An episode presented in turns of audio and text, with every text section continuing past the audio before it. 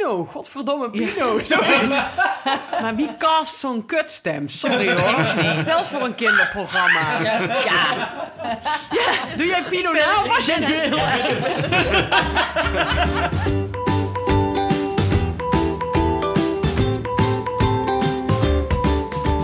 Hoi, ik ben Nienke de Jong, journalist en moeder van Janne van 2,5 en Abe van 9 maanden oud.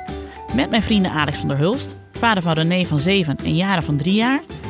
Hanneke Hendricks, moeder van Alma van 2,5. En producer Anne Janssens, vader van Julius van ook 2,5. Maak ik Ik Ken Iemand Die.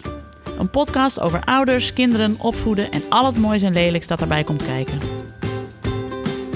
Het was een middeleeuwse straattheatergroep met zwaardvechten. Ik ben gewoon kwaad dat ik dit nu pas hoor. Waarom wist ik je dat echt niet? Nee. Ik heb nog ooit nog een voorstelling gezien bij een kasteel. Oh ja. Ja, daar ben je geweest, ja.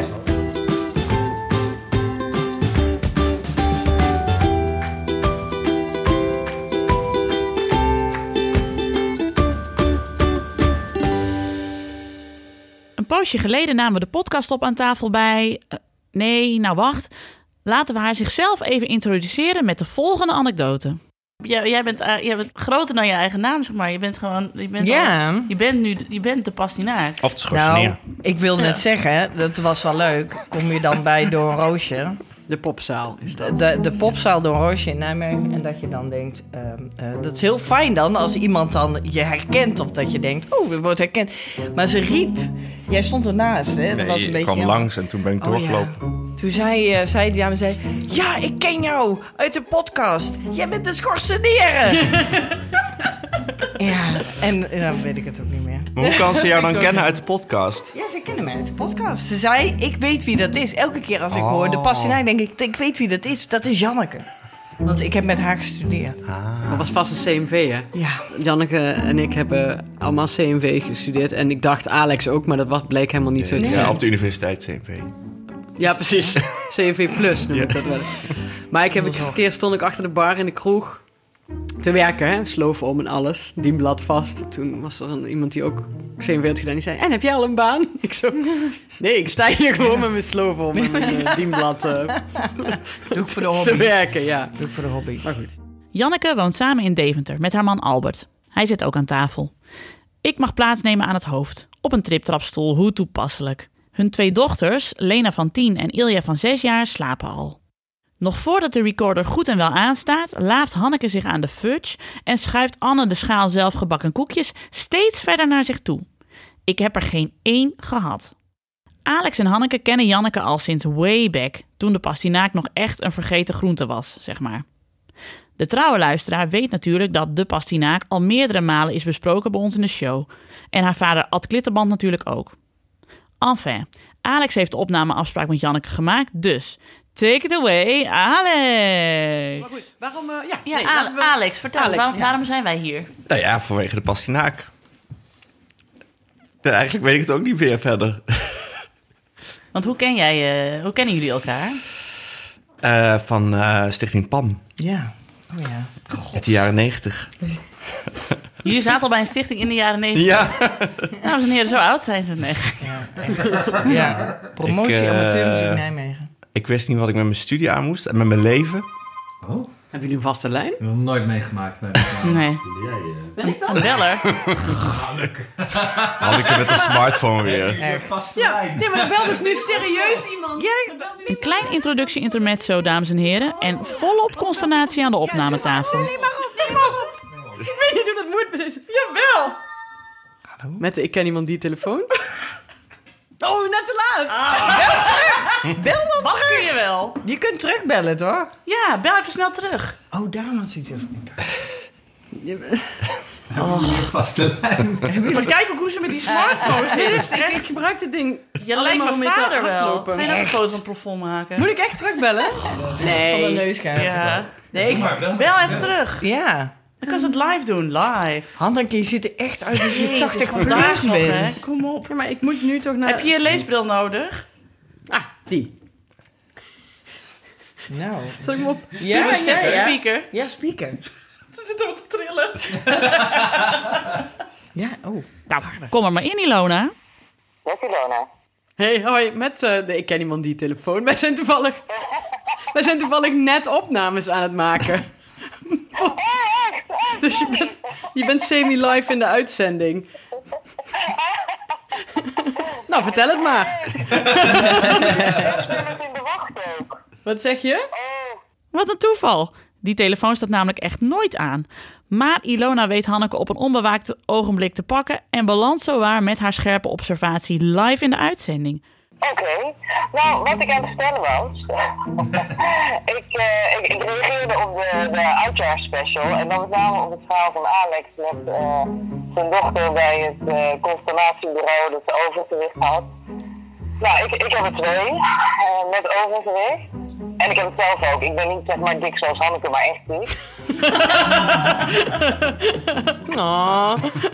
Ja, ja, ja, heel erg. Maar het stomme is dus, dat als ik naar het constellatiebureau ga met de kinderen, dan word ik helemaal doorgezaagd. En eh, wat geef je ze te eten en wat krijgen ze als ontbijt. En dan krijg ik wel altijd de neiging om te zeggen, nou chips of zo. Maar dat doe ik niet. Maar als mijn, mijn vriend gaat, die gewoon een normaal postuur heeft, dan is het, ja, je moet even een beetje opletten. Maar verder is het prima. Ah, Zo'n vetshaming. fatshaming dus eigenlijk. Echt? We, zijn echt net, we waren echt net 10 minuten begonnen met de opnames. Dus je belde. Ik zat net de telefoon aangezet. Dus toen de telefoon ging, zei ik... Hé, hey, daar gaat hier een vaste lijn af. Maar dat was, mijn, dat was de smartphone die ik net had aangezet. Maar ja, goed. Oh, echt? Nou ja, ik, ik zette dus net jullie eh, vorige aflevering af. Eindelijk afgeluisterd. Ik vind dit heel meta. Dat is wel leuk. Maar hey, super bedankt voor je goede verhaal. En dan eh, gaan wij verder. En, Oké. en, en een fijne avond. Succes. Doei, doei. Nou duurt het drie kwartier voordat Hanneke de telefoon uitleest, dames en heren. Nou, dat was te sterk. Dat was toch Dat sterk? is te sterk, jongens. Maar ze reageerde op een verhaal van jou, toch? Ja, ja, ja. Omdat eh, je het hadden gezegd dat, jaar, geluid dat. Jaren te dik was. Oh ja, ja. Dat Maar dat deden de ze dus, dat begrijp ik nu, omdat ik te dik ben. Ja. Ja. Maar Want dat was bij haar het geval, toch? En bij Dat de man hij, niet. eh, oh. ja, dan zeiden ze tegen haar man, zeiden ze, ah, het trekt wel bij. Dus. En bij haar dachten ze van, zeiden ze van, oh ja, wat krijgen je kinderen te eten? En Hmm. Lusten ze, houd, drink jij fristie? ja, Ja. Maar ja, Lastig. nou, ik vond het wel een goed verhaal. ja. Nou, ik We moeten daar ook nog een ja. aflevering ook een keer gewoon over doen. Waarom? Over het. Nee, over eh, dikke kinderen. Oh, Oh ja. Gezonde kinderen. Ja. ja. Of gezonde, ja precies. Ja. want dat is natuurlijk het probleem. Hè? Dat, je, dat bedoel ik met, met vetshaming. Dat, dat ze er dus van uitgaan van, oh ja, deze, deze mevrouw is dik. Dus dat zal wel ongezond zijn. En het zal wel door, door haar komen dat haar kinderen ook dik zijn. Er zal een ongezonde reden achter zitten. Terwijl dat hoeft natuurlijk niet. Nee. Nee. Nee, en wat Alex de vorige keer ook zei, weet je wel, soms dan... eh, als ze eenmaal heel... Dan, hoe zeg je, hoe zei je dat nou? Dat vliegt er binnenkort toch wel weer zo af. Als ze... Ja, dat. En ze kunnen ook gewoon heel groot worden. Vaak van die zware kindjes worden heel fors of groot. Of, eh, Ja, tenminste, zo ken ik er een paar. En wij hadden vroeger Ja. ook echt dunne kinderen in de klas die, die heel ongezond aten. Ja, Dus ja, dat heb je ook nog. Ja. Al die dunne pubers die met een eh 20 Red Bull en eh, drie zakken chips eh, de supermarkt uitkomen. ja dat is het ene hele grappige tweetje waar ik vaak aan moet denken. Van als je een broodje frikandel en een blikje energy drink eh, eh, in de grond stopt en het eh, regelmatig water geeft, dan groeit er een vier HAVO scholier uit die Melvin heet. nou, dat. dat geheel terzijde. Enfin, terug naar het begin. When Alex met Janneke. Ergens in Nijmegen bij de amateur muziekkunstvereniging Stichting Pan of iets in die trant. Nou ja, Ja, ik was dus op zoek nog naar een studie. Dus toen, in dat jaar eh, heb ik, eh, toen ging ik vrijwilligerswerk doen. Bij de, en toen was Janneke daar stagiair. Ja.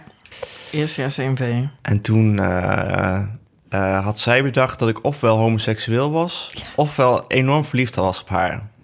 Omdat ik geen, in ieder geval aandacht aan, omdat ik geen aandacht aan de Je besteedde. gaf niemand aan. Echt. Het enige wat je deed is volgens mij naar het puntje van je schoenen kijken. Nee, ik keek naar de computer. Oh ja, Dat doe Ja. ik nog steeds heel veel. daarom. Heel veel. Maar goed, dat is toch nog goed gekomen dus. Dat zeg jij. Ja, met, die- met, die- met jullie vriendschap. Ja. Ja, ja, ja. ja. Die is al Nee, de, de rest niet hoor. Nee. Dat autisme is, zit er nog steeds Nee, in. en ik heb nog steeds... eh, hebben wij nooit iets gehad, hè? Nee, Dat is zo jammer. nog steeds.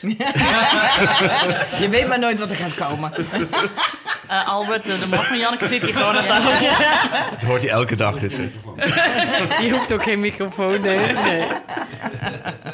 Nee, ja. Nee, ja. Nee, het is inderdaad wel... Dat was het eerste als ik jullie vriendschap zou definiëren... is dat een soort eh, eh, onbegrepen woeste liefde. Nee. nee, helemaal niet. Nee, nou, jij schreef wel gedichten. voor, voor jou? Nee, ik, ik, heb, er, ik heb er twee, volgens mij. Ja, dat, is, dat was een hele moeilijke periode.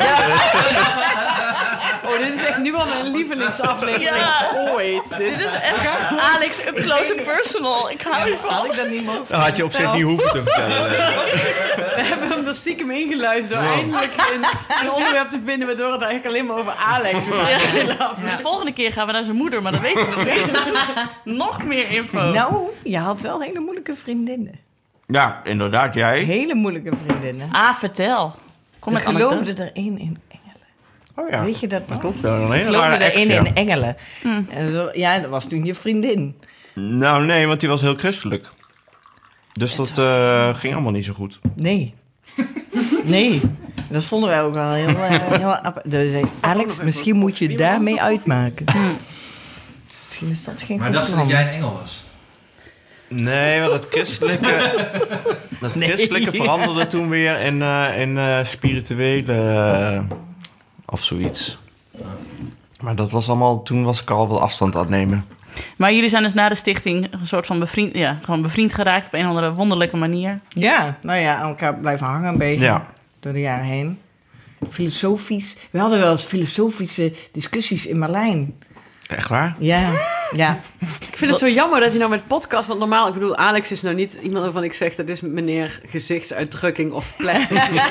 En ik zie nou al allemaal gezichtsuitdrukkingen voorbij komen. Sorry. Ik Oh, ik ook wel dat we je na nog wel gewoon Nou, weet ik door één deur. Zo wel fijn. Maar je, je gaat verder, filosofisch café. Nee, we hadden gewoon filosofische vraagstukken die leggen. Ja, maar ik, eh, oh, eh, toen studeerde, studeerde ik inmiddels wel al een beetje zo half filosofie volgens mij. Ja, daarom. Maar, en ik Ah, kon ja. ze bij, A- bij... Want ik deed een, ehm, een workshop of zo, weet ik veel. Een, een kleine, Oh. zo'n ehm, module op CMV, eh, filosofie. En dan probeerde ik dat bij mijn eh, eh, nu man, maar toen eh, vriend eh, neer te leggen bij Albert. En dan zei ik, eh, Albert, eh, eh, dit is geen tafel. Hè? Dan, dat, je, dat Albert zei, dit is gewoon een tafel. Weet je wel, gewoon klaar, gewoon klaar. Gewoon, Albert is gewoon een drent, weet je wel. Dus daar kon ik dat niet mee bespreken. Maar met Ik leg de jank Alex op de tafel. Voel je dat het dat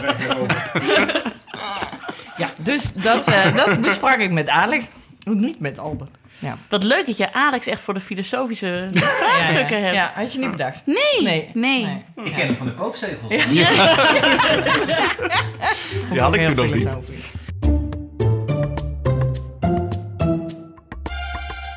En jij bent uiteindelijk vanuit, Deventer naar, of vanuit Nijmegen naar Deventer verhuisd? Ja, omdat eh, Albert hier een baan kreeg als programmeur van eh Burgerweeshuis.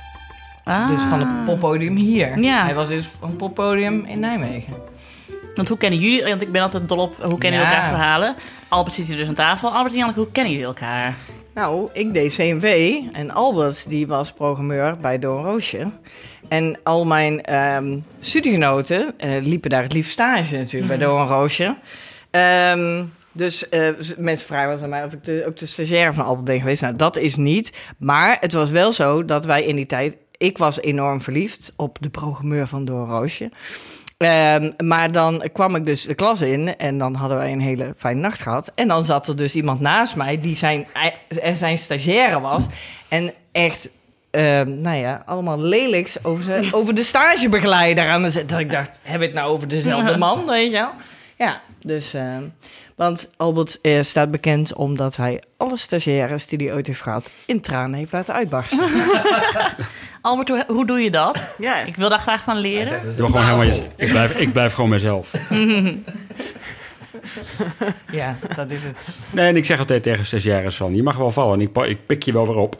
Maar ik laat ze wel allemaal dingen fout, fout doen. Als ze dat, eh, daar, leer je, daar leer je van, toch? Ja. Dus, eh, Ja, dat hebben we allemaal gehad. Maar jullie zijn elkaar dus gewoon tegengekomen in wij zijn elkaar Doornroosje. tegengekomen Ja. Ja. Ja. Dus toen heb ik hem mee uitgevraagd. En toen eh, gingen we lekker stappen. En toen eh, was hartstikke gezellig. En dit is 18 jaar geleden. Potverdikke. Nou, Ja. 18 jaar. 18 jaar geleden. En nu in Deventer. Met, Ja. met kinderen. Met kinderen. Ja. Ik zie hier twee triptraps staan. Ja. Maar die, ze zijn eigenlijk al te groot voor de triptrap. Ja, ja, ze zijn te groot voor de triptrap. 6 en 10. 6 en 10. Hmm. Ja. Maar van Albert mogen de triptraps nog niet weg. Nee, maar Nee, ik vind de triptrap mooi. eh, Ik wou dat ik de triptrap had, eh, had verzonnen. Ik ja, vind het een geweldig dat wil ding. iedereen wel. Ja. En de paperclip. Maar Albert hoopt ook altijd dat er eigenlijk nog vier kinderen bij komen. Oh ja. Voor het geval dat kun je altijd de triptrap Ja. houden. Toch? Albert is een stoere, kale, breedgeschouderde, boeken- en muziekliefhebbende, volgetatoeëerde, lieve, no-nonsense vader. Met de ziekte van Bedlam.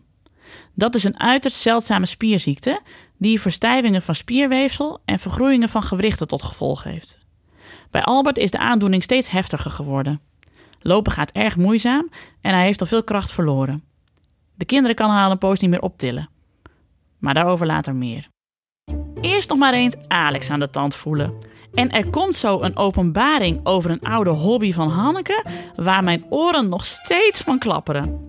Ik wist dit niet en ik ken Hanneke dus al heel lang, hè mensen? Maar ehm, eh, ja, Hanneke probeerde net jullie vriendschap te typeren. Oh ja. Hoe zouden jullie zelf deze vriendschap typeren?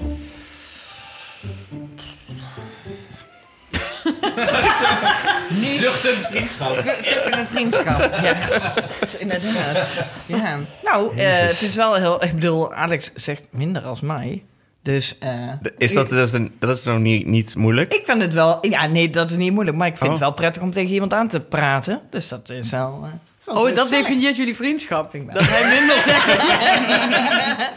En dat dat, dat dat dus heel goed gaat. Ja, ja. We zitten elkaar nooit in de weg. Nee? Nou, wel ups en downs gehad. Ja. Met een vleesmes volgens mij een keer. En, eh, Wat? Vertel. nee, een elektrisch mes was het volgens mij. Oh nee, de mixer. De, Oh, de- de, de blender. Oh, je bent Nou, echt... Nou, het, dat het- is de- echt... het begin van deze anekdote graag. Ja, maar het begon natuurlijk heel heroïs met een vleesmes. Maar het lijkt een blender. Oké, Ja. ga door. Nee, Nee. het is, nee, hoe heet zo'n ding? Ja, een mixer. Nee, is het was gewoon een elektrische eh, Ja, zo'n mes. zo'n staafmixer oh, was oké, het. dat weet ik niet. Ja, ik was er niet bij. Nee, maar je kwam ook niet opdagen. Wat was er gebeurd? Ik had mijn vinger in die staafmixer gestopt. En hem aangezet. Oh. Blijkbaar. Hier, je ziet hem nog. Oh ja, jeetje. Ja, Ja, voor de, voor de kijkers thuis. Een stukje van, het, stukje van het topje van de vinger af. Nou, en hij was echt, echt enorm gesliced. En dan bel je degene met de auto, Alex van Hulst. En die zegt dan, ja, ja, ja, zal wel niet zo erg zijn. Ik moet eten en hij had een date. En hij kwam niet. en ik moest enorm naar het ziekenhuis. Ja, nee, dat klopt. Ja, Met, wie had je, met wie had je een date Dat aan? weet ik niet al of ik deed. Ik weet wel dat ik net ging... Ik had net het eten klaar. Maar had je een date met het kwam dus niet Nee, uit. zeker niet. Nee, Dat was nee. Oh, Dat was dus dan ver had je eigenlijk best tijd. kunnen gaan. Ja. Nee, maar uiteindelijk ben ik toch ook gegaan, of niet? Toen ja, je de tweede keer belde. Ja, ja, de tweede keer Toen belde dacht ik, oh ja, het is wel inderdaad, ja. serieus. Ja, oh ja, oh ja. Nou, dat was misschien toch wel een goed plan inderdaad om te komen. Ja. Ja, Maar ja, Janneke, het was ook niet de eerste keer dat je iets had. nee, dat klopt. Vertel. Dat is wel zo. Nou, dat weet ik. ik- Had ik elke keer wat dan? Volgens mij ben jij bent nog een keer geweest, toch? Met die elektrische... Was het niet een elektrisch mes dat ze ook een keer in de... Met de, in de afwas of zo? Had je een- zo'n ele- elektrisch mes? Of een glas of zo. Ja, ik had Oh. altijd wel iets. Ja, en ik ben je een keer op weg naar school tegengekomen. Toen zat je rok in je, in je fiets. Ja, maar ik had altijd lange rokken. En geen regenschermers. en heb- dan, ging je naar, dan ging je die berg eh, op. Dat ging prima. Maar de berg af gaat heel snel. En dat wappert.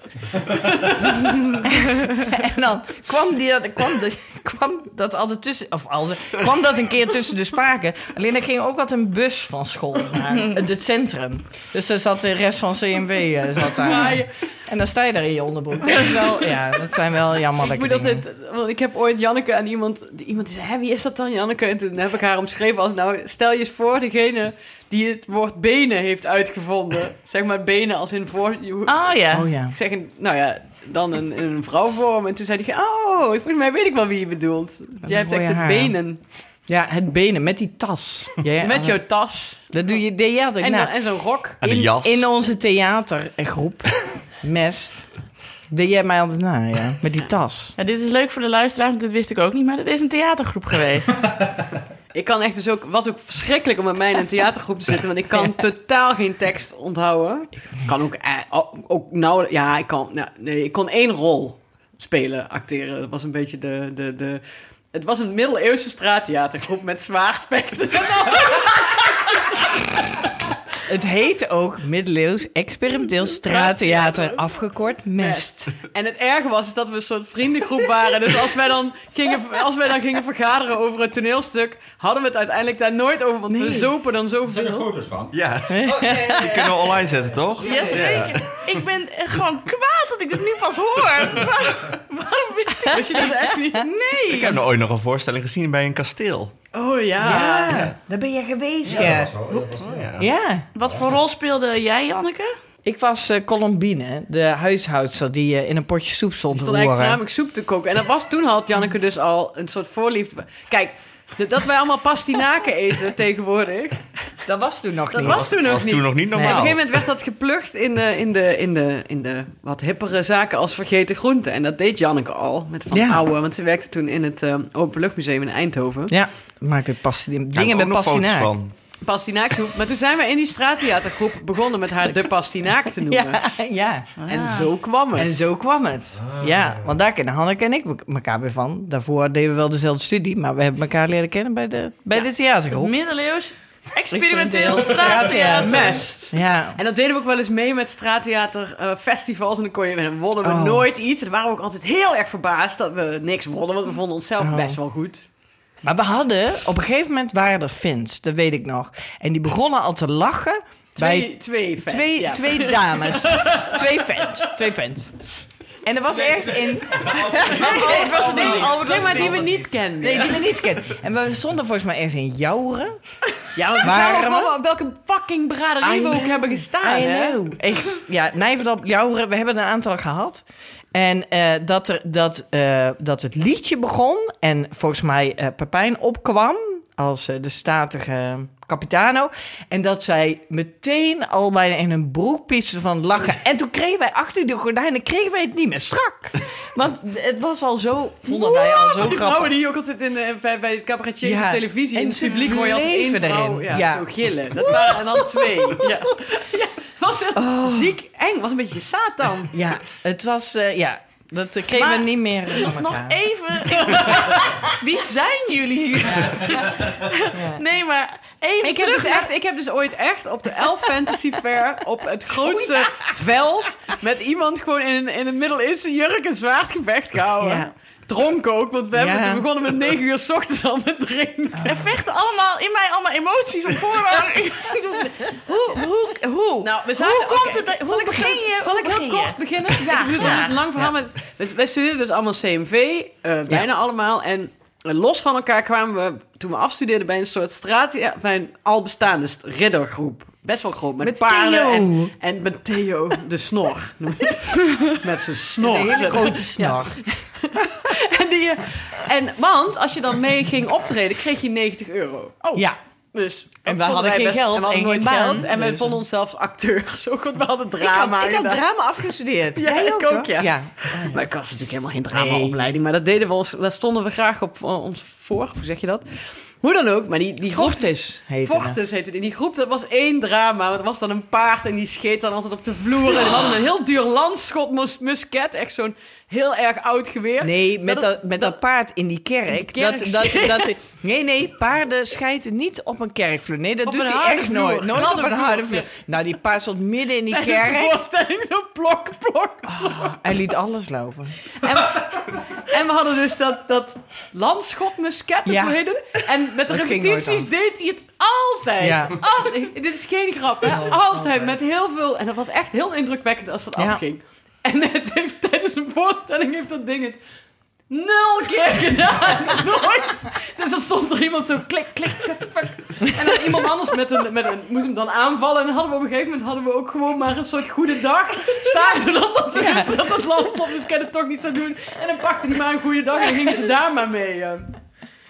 Oh, maar dat was ook... Maar, maar goed, dan zijn we uiteindelijk zijn wij met Mest een afsplitsing. Ja, want wij, ja, wij waren altijd inderdaad de dames die, eh die kletsend dan... eh, de, en want het ging ook wel eens, wij deden dat voor bedrijven ook wel eens. Hè? Ja. Er kwamen bedrijven dan langsgelopen en dan moesten wij ze... Voornamelijk braderieën. Voornamelijk braderieën. En daarna hebben we inderdaad Mest gestart. Samen met drie mannen. Maar jij was de jonkvrouw, toch, Hanneke? Ja. Ja, en ik weet nog een keer op zo'n braderie met Fortis... want we hadden dan ook zo'n ding dat Pepijn zogenaamd opgehangen werd. En dan had hij zo'n soort harnas om, weet je wel. En dan stond hij op zo'n plankje en dan was er zo'n vervolging voor het publiek, weet je wel. En iedereen klappen. Het stonden er altijd wel, stonden altijd wel bij de hand de kinderen die dan zeiden... Ja, dat is nep, dat is nep. En dan zei ik altijd, stond ik daar zo nog net niet mijn nagels te veilen in mijn middeleeuwse jurk. En dan zei ik... Ja, dus nee, is ook nep. Ik zeg maar alleen als die plank onder zijn voeten wegschiet, dan is het wel. Dat zou. ja, dat is het enige wat niet kan. Maar die plank ging er natuurlijk onderuit. Zo zag je ze allemaal zo helemaal doodschrikken. Nou ja, goed. Nou had je, bij, je had erbij moeten zijn. Ja, dat erbij moeten zijn. Waarom deed jij niet mee? Ik, ik weet het, ik weet het niet. Ik ben, ik, eh, Omdat hij geen CMV heeft gestuurd. Nee, nee, nee. Het ging ook totaal langs me heen. Ik ben bent was, is één keer langs geweest. Toen dacht ik ook van, oké, ja. Apart dit. Jij mocht publiek zijn. Maar, en ik ben ondertussen toch weer verder Ja. met de karamel aan het gaan. We zijn wel altijd vrienden gebleven, Ja. sinds. Ja, zeker. Zeker. Ja, hartstikke leuk. Alleen, eh, we doen niks meer aan theater. Ongelooflijk dit. Oh, echt ongelooflijk. Dus hele, al die jaren dat we het over de Passinaak hebben, is dit nooit Nee. genoemd. Ik ben echt een beetje, wie, ja, nou, wie zijn jullie? Wat komt er meer boven water? Mijn, toneel, mijn theaterachtergrond houdt mijn zwa slash zwaardvechtcarrière hou ik graag voor me. Nou, maar ja, dit vergroot nu wel de kans op meedoen aan Wie is de Mol. Goeie. Oh, dat moet je Nu blijven mensen weten, ja. ja. Niet te uitknippen Ja. moet dit, hè? Want het is wel een soort open sollicitatie. Ja, Maar maar nou moet je juist geen open sollicitatie Nee, maar jij zegt... Ik hoef, de Mol wil nee, meedoen. jij zegt, ik hoef je dat helemaal niet. Maar wij zeggen, jij zou een goeie zijn voor Wie is de Mol. Ja, echt, ja. Nee, Ja. ik kan wel heel goed acteren. Maar Ja. Jij zou echt een goede mol zijn. Ja, ja goeie mol. Nou, jij zou wel echt een goede mol zijn, ja. ik zou wel echt een goede... Serieus, ik ben, ben ook heel goed in weerwolven. Oh ja, Echt? Ah, Maar Nienke, kunnen we niet samen in Wie is de Mol? Ja. Hoe gezellig zou dat dat zijn? was Olijk, Olijk Duo. Ze zoeken natuurlijk altijd verschillende karakters, hè? Ja. Dus ze zouden ons nooit samen in één jaar zetten. Nee, denk ik ook niet, want wij zijn praktisch hetzelfde. Ja, precies. Dat is, ja, jij weet dan al wel wie het allemaal weer gaan eh, vernachelen bij het lasergamen, zeg maar. Wie dan weer achter een, een ander verschanst, verschanst achter een andere boomstronk zit te gniffelen met z'n tweeën. Gaat het niet worden natuurlijk. Te eten. Ja, eten waarschijnlijk. de pot op de snoep. Wie zit er dan weer met een ja, bek vol karamels? dat, dat zullen wij dan zijn, ja. Ja, nou, ik zou het best een leuke aflevering vinden. Maar goed, Ja. ja terug, we hadden- terug on, on ja, wij- ja, maken een opvoedpodcast. Oh ja. Ja, voor de mensen die nog niet zijn afgehaakt. Ja, en we moeten ook nog even... eh eh, Janneke is ook nog de dochter van eh Ad Klittenband. Die ook nog in de... Ja, natuurlijk. Daar moet hij zelf trouwens heel hard om lachen. Oh, dat heeft hij wel gehoord. Ja, hij heeft doorverwijzen, toch? In de show Ja. notes. Ja, kan ook door. De vakantieaflevering. Oh ja. ja. Dat Ja, is dat- ook, de vakantieaflevering is ook voor eh, wil je weten wat een vouwwagen is. Wordt ook uitgelegd. Een hele informatieve... uit- eh, Eigenlijk is dat een beetje inderdaad de inhoudsopgave. Of nee, de... de, de, de, de, de... de, de oer... oer ik ken iemand die bijna, zeg maar. Met Ja. alle, alle oude grappen hebben hun oorsprong in de We vakantie. hebben eigenlijk bij de aflevering. De rest zijn allemaal variaties Dat op zeggen, we, dat zeggen we toch ook elke Ja. aflevering? Bergen kook. En nu karamel. Ja. En zelfgebakken koekjes. En zelf Ja. ja. koekjes door jouw dochter. Ja. Ja. Van mijn dochter. Ah, Ja, van mijn dochter. die wil ik zo even proberen. Lust die eigenlijk pastinaak of niet? Ja, maar die Oh. is anders. Jeetje. Ja. Ja, want nu, je hebt ook van pastinaakje je, je werk gemaakt. Ja, van soep zelfs. Van soep. Maar je, je, krijgt, je krijgt nog even, even één minuut, één minuut de reclametijd. Ja, ik heb een bedrijf, Boer aan tafel. En wij maken soep voor de horeca. Alleen, ja, dat heeft dus blijkbaar een oorsprong in, eh, in de theatergroep Mest. Eh, en ehm, dat is heel erg lekker. Hele Heel lekkere soep. lekker. Heel Ja. lekker soep. Ja, maar jouw Heel soepkookding zat natuurlijk in mes... omdat jij gewoon ook al Tuurlijk. heel goed soep, kan koken. Dat is, ja. Super, super held. Ja. Nou, dus, eh, dan hebben we in ieder geval zeg maar, de, dit biografietje rond. ja. Dit is wel, en moet ik zeggen, het langste biografietje tot nu toe. Maar waar we wel het meest bij hebben gelachen. Ja. Om maar even meteen samen te vatten. Drie kwartier. Tot zover de introductie. Ping, pong. Zit er een plaspauze in? Bent u er nog? Zit er, ja, moet je Ja. pauze? Ja? Dat doe ik gewoon direct na de biografie. Het glaspauze, muziek. En dan, Maar ik denk ook dat volgens mij iedereen die er nu, als u dit hoort, dus als u zo ver in deze uitzending bent gekomen, laat dan ook even een berichtje achter op Twitter. Zeg maar, ik heb het gehoord. Ja, ik, heb- Hashtag ik ken iemand die. Ik Ja. ben erbij. ik was erbij. Ja, precies. Hashtag jouwde. Hashtag nu we tenminste onder ons zijn. Ja, precies. Zijn alle, alle, alle non-diehards afgehaakt. Precies. Nee, nee, alle mensen die echt voor echte opvoedtips komen, die zijn afgehaakt. Maar die waren afleveringen geleden al afgehaakt, denk ik. Een kat in de zak, deze podcast. anders gaan we er even uit voor de reclame. Ja, we gaan even, ja, we gaan even uit voor de reclame. hey Anne, jij hebt voor het eerst in je leven zo'n HelloFresh box besteld, hè? Ja, klopt. Eh, hij moet nog komen. En ik heb wel net een mail gehad met wat ik kan krijgen. Want ik heb de familie poefbox besteld. Er zitten drie gerechten in. Wil je ze, wil je ze horen? Ja, laat even weten. Ik krijg rijke broccoli met gebakken kabeljauw... met krieltjes, grana, padano en pijnboompitten. Klinkt goed. Ik krijg wraps met kruidige aubergine gehakt... met feta, munt en yoghurt tahinsaus... die slechts 25 minuten om te maken staan. Nou. En farfalle met spinazie prijssaus met groene pesto en rode peper. Welke van deze drie denk jij dat bij Janne het meest in de smaak zou vallen? Ik denk de wraps, want daar gaat er altijd in, wat er ook in stop. Want kijk, wraps moet je gewoon zien als een soort van eetbare cadeautjes. En wat vindt de peuter nou leuker dan een cadeautje uitpakken? Ja, klopt. Wat denk jij? Wat gaat jullie eens lekker vinden? Ik ga het je volgende aflevering laten weten, maar ik gok nu op de vervallen met spinazie prijssaus. Want pasta is altijd goed. Maar ik hoop natuurlijk zijn pizza raketjes dieet hiermee te gaan doorbreken, hè, door om wat nieuws voor te schotelen. Ik ben heel benieuwd, maar ik heb goede hoop. Ja. Bij HelloFresh kun je elke week kiezen uit maaltijden die gemakkelijk te maken zijn en lekker voor het hele gezin. Alle ingrediënten in één box en jij hoeft alleen nog maar te koken. Ga naar www.hellofresh.nl slash podcast en ontvang 50% korting op je eerste box. Dat is www.hellofresh.nl slash podcast. Ik heb er honger van gekregen, joh. Ik neem nog een zelfgebakken koekje. Nou, mag ik er ook een? Nee. Nou, en dan nu terug naar de keukentafel in Deventer. En we zijn er weer. Nou heeft Anne er hopelijk wat uitgeknipt. Bijvoorbeeld de verhalen over de coverbands waar Hanneke en ik ooit in speelden. Hint, hint. Maar echt, de introductie van Janneke duurde drie kwartier. En toen was iedereen toe aan pauze. Mijn kingdom voor een kopje koffie, al dus een mest emeritus aan tafel. We gaan het nu dus echt over ouderschap, kinderen en opvoeden hebben hoor. Misschien. Dus nu voor het echi, take it away, Alex. Ja. Jij bent hier de, jij bent hier de spil hè vanavond. Ja. Ja. Dus take it away. meestal, meestal doe ik het interview, maar nou mag jij. Zo leuk dat je zo'n een beetje een streng toontje hebt. Ja. Ja, nee, heel goed, heel goed. Ja, ik vind het ook wel moeilijk. Ik ben helemaal niet... Ik ben heel slecht voorbereid. Ik ben namelijk in mijn rol altijd meer als een soort... eh, Moet ik een al- paar als vragen niet stellen? speel. Ja. Nou, Ik geef de microfoon even aan Albert dan. maar jullie waren volgens mij wel een beetje de voorhoede, in ieder geval Janneke bij jouw vriendengroep, van mensen die kinderen kregen. Ja, zeker. Ja, Dus nou, maar dat is wel grappig. Albert en ik schillen natuurlijk tien jaar. Dus eh, bij zijn vriendengroep waren we weer de laatste. Ja. Oh ja? Ja, wat, eh, Alleen Lotje is een beetje ouder. Die van Jan Willem zijn ook jonger. oh ja, die zijn ook jonger, dat is wel waar, ja.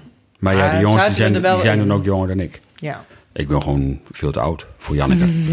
ja. dat ook. En vlak voor mijn veertigste heb ik gewoon heb ik mijn rijbewijs gehaald en een huis gekocht. En een kind gekregen en getrouwd ook nog. Ja, Ja. hoe zwanger was Jij was zwanger toen je getrouwd... We zijn allemaal zwanger. Ah, Getrouwd. best, beste Ja. idee ooit. Ja, je shotgun wedding, het mooiste wat er is. Oh ja. Ja. Maar, maar hoe was dat dan, om eh, de voorhoede, in ieder geval eh, voor jou dan? Om, Ja, nou, ja, dat, ik- dat iedereen eigenlijk ging feesten en dingen. Nou, het was, het was eigenlijk wel heel apart. Want ik, ik kan me nog herinneren dat, wij, ehm, dat ik bij jou aankwam, bij jou thuis. En dat daar de rest dus van de theatergroep Mesten was.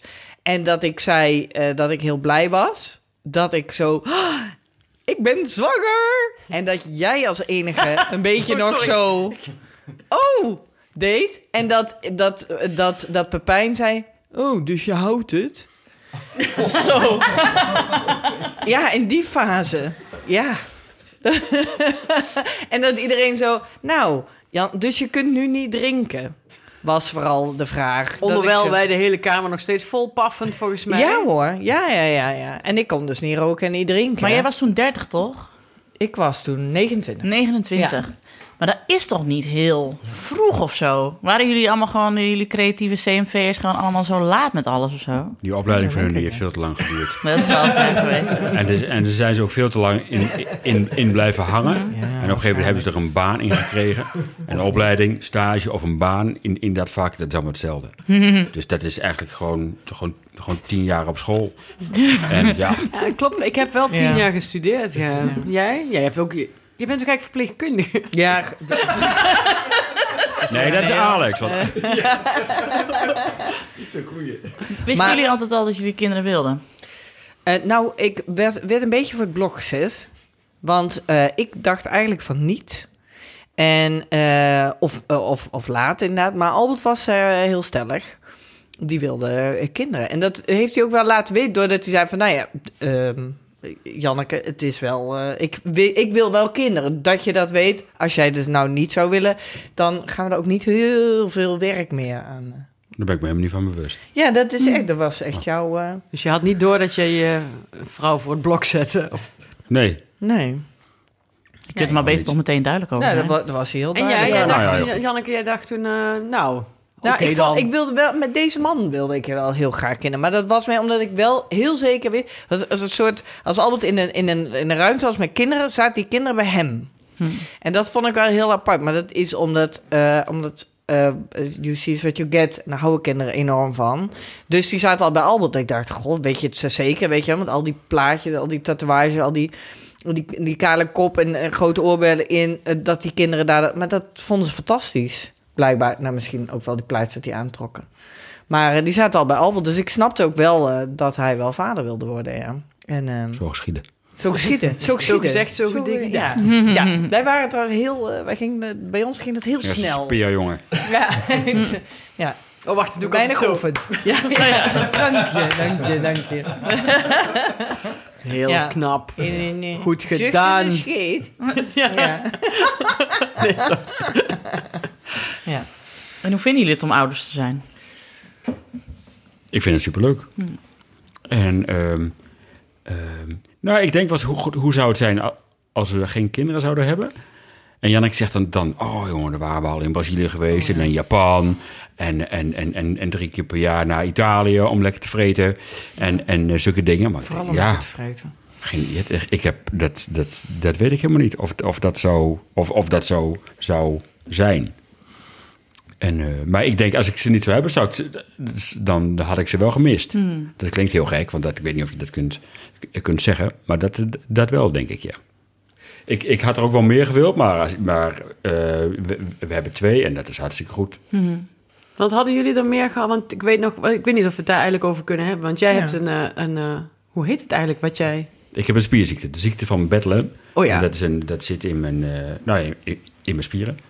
Ja, En het is progressief. Dus ik, ik ga gewoon, eh, eh, eh, ja, lichamelijk qua kracht en wat ik kan, gaat dat, gaat het achteruit. Ja, en ik weet dat toen jullie Lena net hadden, dat jij al tegen Janneke een keer had gezegd van, nou, ik wilde eigenlijk nog wel één. Dat jij in al je pastinaakheid had teruggeroepen, ja, zodra jij rechtop eh, met twee eh, wasmanden in je hand de trap op lo- kunt lopen, dan nemen we er nog één. Zo, weet je. ja. Dus, Oh ja. maar Ja, denk je dat... Maar daar is tenminste toch overstag gegaan. Nou, Ja. Ja, nou, en, nou, bedoel, wij zijn ook heel verstandig geweest. Ja. Want, de, want we dachten van, nou, we doen niet eh, een jaar later nog één. Nee. Dat Maar we doen er gewoon vier jaar later één. Want dan kan die eerste, die kan al gewoon dingen. Ja, Ja. precies. Die kan zelf al de Ja. trap oplopen. Die Ja. hoef je dan Daarom. niet te... Ja. En zo, ja. En Ja. Zo, zo geschieden. Is Zo geschieden, ja. Zo geschieden, ja. Maar had jij er anders meer eh, misschien... Nee, helemaal niet. Ik oh nee, dacht dat is, eigenlijk- het was, dit was nee, wel... ik dacht na, na één, want ik vond, ik vond de bevalling heel heftig. Dat was niet helemaal... ehm, ik weet ook dat ik probeerde in te zijn bij Albert... dat hij, weet je wel, dat we zouden wisselen van lijf... op het moment dat ik aan het bevallen was. Maar dat lukt niet, blijkbaar. Het was niet de afspraak. Jij nee, zou dat ja. zelf doen. nou, ik vond het eh, enorm heftig. Ja. Ja, dat, dat, ik, ja dat, je, dat ik daarna wel dacht... d- dus zullen we het er gewoon bij één laten... Eh, ik had wel een heel lief, eh, lieve baby die, die het prima deed. Maar ehm, ja, ik vond, het wel, ik, vond het, ik vond het echt wel heftig. En ik, heb, ik had toen al een eigen bedrijf. In 2006 ben ik dat begonnen, dat was mijn eerste bedrijf. En eh, ik miste enorm mijn eigen vrijheid. Dus, eh, dus Albert die, eh, die heeft toen ook heel veel voor Lena gezorgd. Ja. Want ik wilde per se ehm, culturele en culinaire projecten blijven doen. En eh, eh, met alles eh, wat daarbij hoort en het hele harde werken. En toen dacht ik dus vier jaar later, begon het toch weer te kriebelen. Dat ik een tweede, dat we een tweede wilden. Want Maar wat, wat is dat kriebelen dan? Ik, vind het, ik, heb, bedoel, ik snap het wel, maar ik vind dat wel een heel interessant onderwerp. Ja, ik, wil- ik, ik, weet het, ik weet het niet. Want ik werd enorm moe van al die mensen die deelt riepen... Oh, maar één? Goh, wanneer komt twee? Nou, daar werd ik enorm moe van. Maar het was wel zo dat, dat op een gegeven Ik weet nog dat ik Albert aankeek.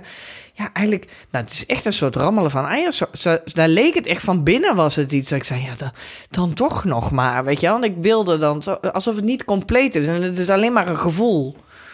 En... eh, of ja, niet compleet. Het is een beetje... Maar het eh, cliché. Maar het was wel eh, dat wij zeiden... Nou, we willen toch wel heel graag nog een, nog een babytje. Maar ik wist wel waar ik voor ging staan. Dat vond ik wel heel heftig. Ja, dat ja, ja. het nog een Mhm. keer zou komen. Ja, dat is natuurlijk bij een tweede. Ja, Dan weet je wat, het, eh, wat je te wachten staat. ja. Ongeveer, Ongeveer, trouwens, want je ja. weet het nooit. Nee, Was jij niet dat, dat je iets ging eten tijdens de bevalling? Dat heb ik altijd onthouden. Dat ik dat niet moest doen. was denk ik het Nee, eerste ik wat Janneke ik- net riep ik toen zeg ik altijd binnenkwam, tegen- volgens mij. Eh, ehm, Ja. ja, toen we de tweede keer naar eh eh, eh, eh, eh, zwangerschapsyoga of gym gingen. En toen, toen was ik de enige die al vader was. Want de rest van die mannen en vrouwen, dat, dat was dan voor de eerste keer. En, die, en een paar van die jongens die wilden tips. Alle partners opgelet. Hier volgt een bindende culinaire ziekenhuisbevallingstip van Albert. Ik zeg, je moet gewoon boterhammen meenemen. ja, Ja, is wel zo. want toen Janneke van Lena aan het bevallen was, dat, dat hadden we het nog over. Toen kwam op een gegeven moment de verpleegster, die kwam binnen met een dienblad met eten voor mij. Want ik bedoel, wij waren al vanaf tien uur s morgens daar bezig. En toen was het, toen was het nou, weet ik veel, half twee 's middags. En dan ga je, ga je in het ziekenhuis ga je, ga je dan warm eten. Dus die kwam met een dampend, eh, een dampend dienblad. En ik, eh, even wachten, Janneke. En eh, toen zei Janneke, nee, nee, ik Stefan. Nee, Dus toen... toen moest dat weer weg? ja, dat moest gewoon weg. Want je, je, je, je zintuigen staan, dat- die staan, ja. die staan Stoofvlees is niet... helemaal Nee. open. maar ik heb, he- ja. ik ben helemaal in eh, shock. Heb ik, ik, heb ik het verhaal van de slavink hier nog nooit verteld dan? Nee. Nee? Volgens mij niet. Nou, Geen slaving. Nou, eh, toen ik, ik ben negen maanden geleden bevallen van de tweede. En eh, was in het ziekenhuis. En we waren daar om een uur of vier of zo. En eh, eh, ik had toen al behoorlijke weeën. Maar ja, dat is om, inderdaad om vijf uur lagen op zo'n kamer alleen. Met eh, de, ver- de, de verloskundige er ook steeds bij. Want het was best wel heftig. Die vroegen toen van, wil je nog wat eten? En ik zo, nee, natuurlijk niet. En Tom, mijn man, zei, ja, ja, ik wil wel wat eten. En ik zag hem dus zo rustig iets aankruisen op dat ding. En ik wist gewoon, oh god. Party stick. Oh ja. Partysticks uit zijn tas. Ik moet, hier, ik moet straks nog... Ik, ik moet echt nog even een rectificatie doen over de partysticks, hoor, maar dat, dat later. Dat we waren voor het laatst. Ja, maar ik wist dus, ik lag in die... Ik, eh, ik had die weeën en op een gegeven moment was het best wel heftig. En toen zei dus de, de verloskundige van... eh, ga maar even onder de douche staan, dan kun je ze wat beter opvangen. En toen zag ik dus, terwijl ik onder de douche stond... en een weeënstorm had van, heb ik jou daar, zag ik... De, de mensen van de catering binnenkomen met zo'n dienblad. Met daarop, eh, ik wist dat het een slaafvink was. Aardappeltjes en van die gemengde groenten, van die zoekjaarsgroenten en een slaafvink. En ik, ik lag, ik had dus echt een weeënstorm en ik kon bijna niet praten tussendoor. Zoveel, eh, zo heftig was het. Maar ik zag dus in, in mijn visioen mijn man dus met zijn telefoon zitten. Zo een beetje op Facebook scrollen en ondertussen lekker dat slavinkje opeten. En ik dacht, ja, ik ben hier aan het creperen. Dit gaan we dus niet doen. Dus toen heb ik tegen de verloskundige gezegd, je moet Tom roepen. En Tom die moest komen. Ik zei, je moet hier zitten. En je mag niks zeggen, maar je moet hier zitten. Want ik wilde gewoon dat hij zag dat ik aan het lijden was. En niet dat hij, dat zijn herinnering van de bevalling zou zijn. Ja, nou ja, ik zat al even op Facebook en ik heb eh, slaving gegeten. Toen was het kind weet je wel zo. Dat wilde ik dus niet. Dus, dus daarom, ik herken dit heel erg. Ik heb hem ook met zijn slaving weggetrokken. Arme jongen. Ik, weet, ik weet niet eens wat ze voor mij hadden bedacht. Ja, het was iets van een haché-lucht in ieder geval. Zo, afschuwelijk. Maar bij de tweede heb je dus een boterhammetje meegenomen. Nee, maar de tweede, dat was, Was hier, hier. dat was, hier, dat was hier thuis. Oh ja. Oh, En, toen, en ik kwam er... eh, nou, laatst, toen zei Janneke... Ik heb je voor de gek gehouden. Ik zei, wat dan? Want eh, toen begonnen de weeën en ik dacht... Nou, weet je, ik vond het wel... Ik, ik, we gaan het gewoon nog een keer in het ziekenhuis doen. Alles is er, weet je wel. Als er Mm. wat misgaat, dan is er meteen een dokter en, en, en, en, en weet ik allemaal wat. Je hoeft je tapijt niet opnieuw te leggen. En je hoeft alle, alle, alle zooi niet op te ruimen. En eh, Onze onze, buurvrouw, die, die is verloskundige. En, en, en, en, en, en die eh, deed dat. En die zei toen op een gegeven moment, nou ja, eh, zoveel ontsluiting. En eh, ja, nee, je kunt niet meer naar het ziekenhuis. Ik zei, nou ja, doe het gewoon lekker hier, weet je wel. Maar dat bleek helemaal niet zo te zijn. Oh, je had nog lang Had al naar het dat- ziekenhuis gekund. Maar je had gewoon met haar Ik overlegd. wil, ja, ik had met haar al besproken. Ik wilde hier. Ja, en we zouden Albert niet eh, in de stress eh, laten raken. Ja, Dus, Wauw. maar ja, ik kon wel gewoon mijn eigen koffie zetten. Ja, ja, ja. Ja, ja precies. En ik gewoon in de keuken. Ja, dat ging ook prima. Lag gewoon, eh, ja, ik vond het ook. dat ging- en het ging ook hartstikke goed. En hartstikke snel. En eh, dus, Ja. Nee, ik moest van Tom nog even... eh, Ja, ik vind het... Hij heeft ook gelijk. Hij zei, ja, ik word altijd alleen maar voor lul gezet in deze podcast door jou. En Doris is al een keer expert geweest. Cynthia is al een keer expert geweest. En ik word alleen maar ingevlogen om grap over te maken over partysticks. V- Vond ik... ook. Dus ik wil even voor alle luisteraars... Ik hou wel heel veel van hem. En hij is, eh, heel, le- het is een hele goede vader. Ja, maar het is ook vooral dat Ja. het, omdat hij natuurlijk... Het is ook gewoon echt een hele leuke man. Ja, Dus daarom is het, is het waarschijnlijk leuk om grapjes te maken. ja en ook omdat... Was hij liefde als nectie? Ja, zoiets. Wat, hoe, hoe kan ik dit nou recht lullen? Nee. Maar wil hij niet een keer expert zijn ergens in? Ja, maar waarin dan? Wat zit jij bent met hem getrouwd? Voor zo'n godverdomme zelf even iets.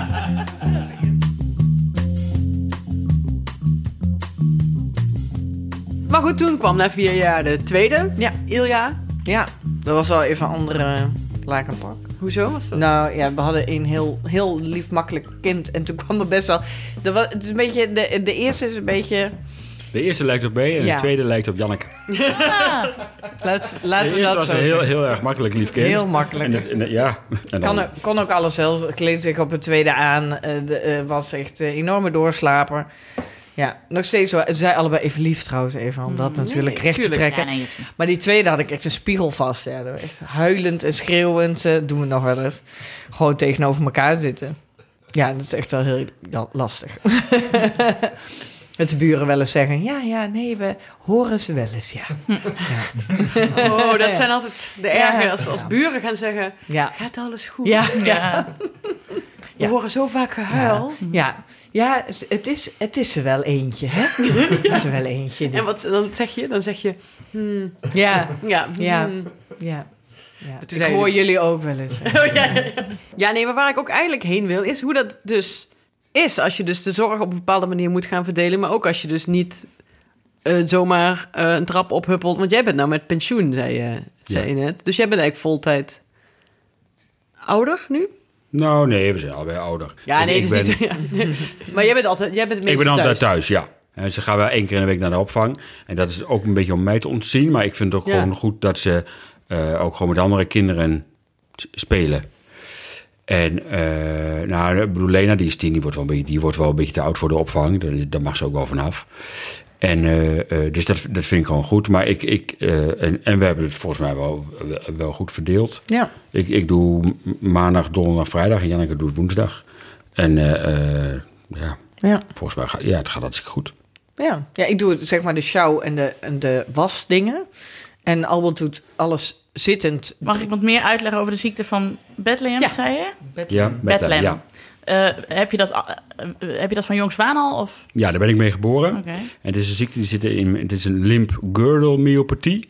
Dat zit in je, in je, van je, in, in, in je schouders, helemaal, helemaal naar achteren, zeg maar. En in, in, je- in, in je heupen en je bovenbenen. Dus overal waar je gewoon, wat je gewoon nodig hebt met, met traplopen en met iets van een, van een hoog ding eh, pakken. En, en gewoon de kracht. En, dat, en dat is progressief, dus dat wordt minder. Maar vroeger kon ik veel meer dan nu. En het ging ook niet zo heel snel achteruit. Toen, toen ik solliciteerde in Door Roosje, toen was ik, eh, hoe oud was ik toen? 32. En toen liep ik gewoon van het station naar Door Roosje. Toen is nog aan de Groenewoudsweg. En gewoon weer terug. Dat was, dat was echt geen probleem, weet je wel. En ik ging gewoon liften op vakantie en zulke dingen. Maar, de- maar de laatste tijd gaat gewoon, dat gaat gewoon slecht. Ik bedoel, Ik heb ook een rolstoel, die zit ik nog niet zo heel vaak in. Maar eh, eh, ik bedoel, ik kon mijn kinderen nooit optillen. Maar nu, maar nu, nu, nu echt helemaal niet. Nee. En ik zag een traplift. eh, Ja, nou ja, Ja. zulke, zulke, zulke dingen. Ja. Ja. Ja. ja.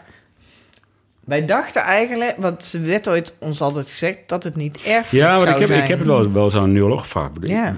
is het erfelijk? Ja. Nee, nee, nee. maar- Nee. Maak u zich geen zorgen. Ja, En dat toen, het en, dus toen, en toen ging ik een paar jaar geleden naar, in Nijmegen weer naar een neuroloog. Nou ja, ze weten, ze weten gewoon steeds meer, hè? Maar ja, dat, dat, dat blijkt wel te zijn. Maar aan, aan mijn, en, en bedoel, de kans is 50% dat ze, dat, dat ze het wel hebben of, of niet. En, eh, maar ja, god, ik bedoel, Lena voetbalde en Ilja zit op turnen. En eh, en dus ja, dat gaat, Maar dat merk gaat jij hartstikke op, goed. die leeftijd al iets op je tien? Ja, dat kon ik niet. Ik kon niet echt rennen. Ik kon, wel, ik kon wel gewoon met de jongens voetballen. Maar ik, ik, ik, ik, ik, ik werd altijd wel als laatste uitgekozen bij, bij het stappen, weet je wel? Ja, precies. Dan Ja, hebben we de- zulke, zulke dingen, ja. En je dochters hebben daar geen last van? Nee, die hebben er helemaal geen last van, nee. Oh, fijn. Nee. Maar ja, goed, er zijn ook... eh, ehm, ehm, er zijn niet heel veel mensen die het hebben. En als je het hebt, is het ook... Het is ook niet standaard, hoor. Ik bedoel, We waren een keer bij, bij een bijeenkomst vorig jaar... En er, wa- was een jonge vrouw, nou, die zit echt, echt, echt in een rolstoel. Echt, echt zo'n zo'n zo'n superrobot, weet je wel.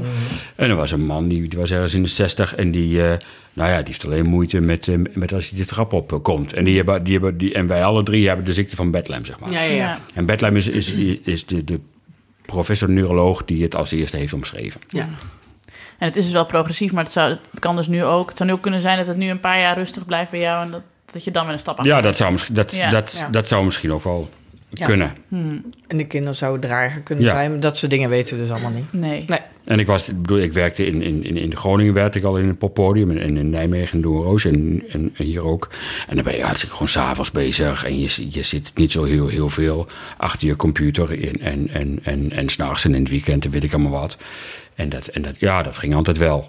Ik bedoel, je moest niet aan me vragen om een kratje bier naar boven te tillen. Maar ja, dan hebben die jongens van de bouw voor. Ja. Ik moest gewoon, eh, gewoon leuke beentjes uit, uitzoeken. Ja. En ervoor zorgen dat, dat ze goed tevreden hadden. En dat er genoeg mensen kwamen.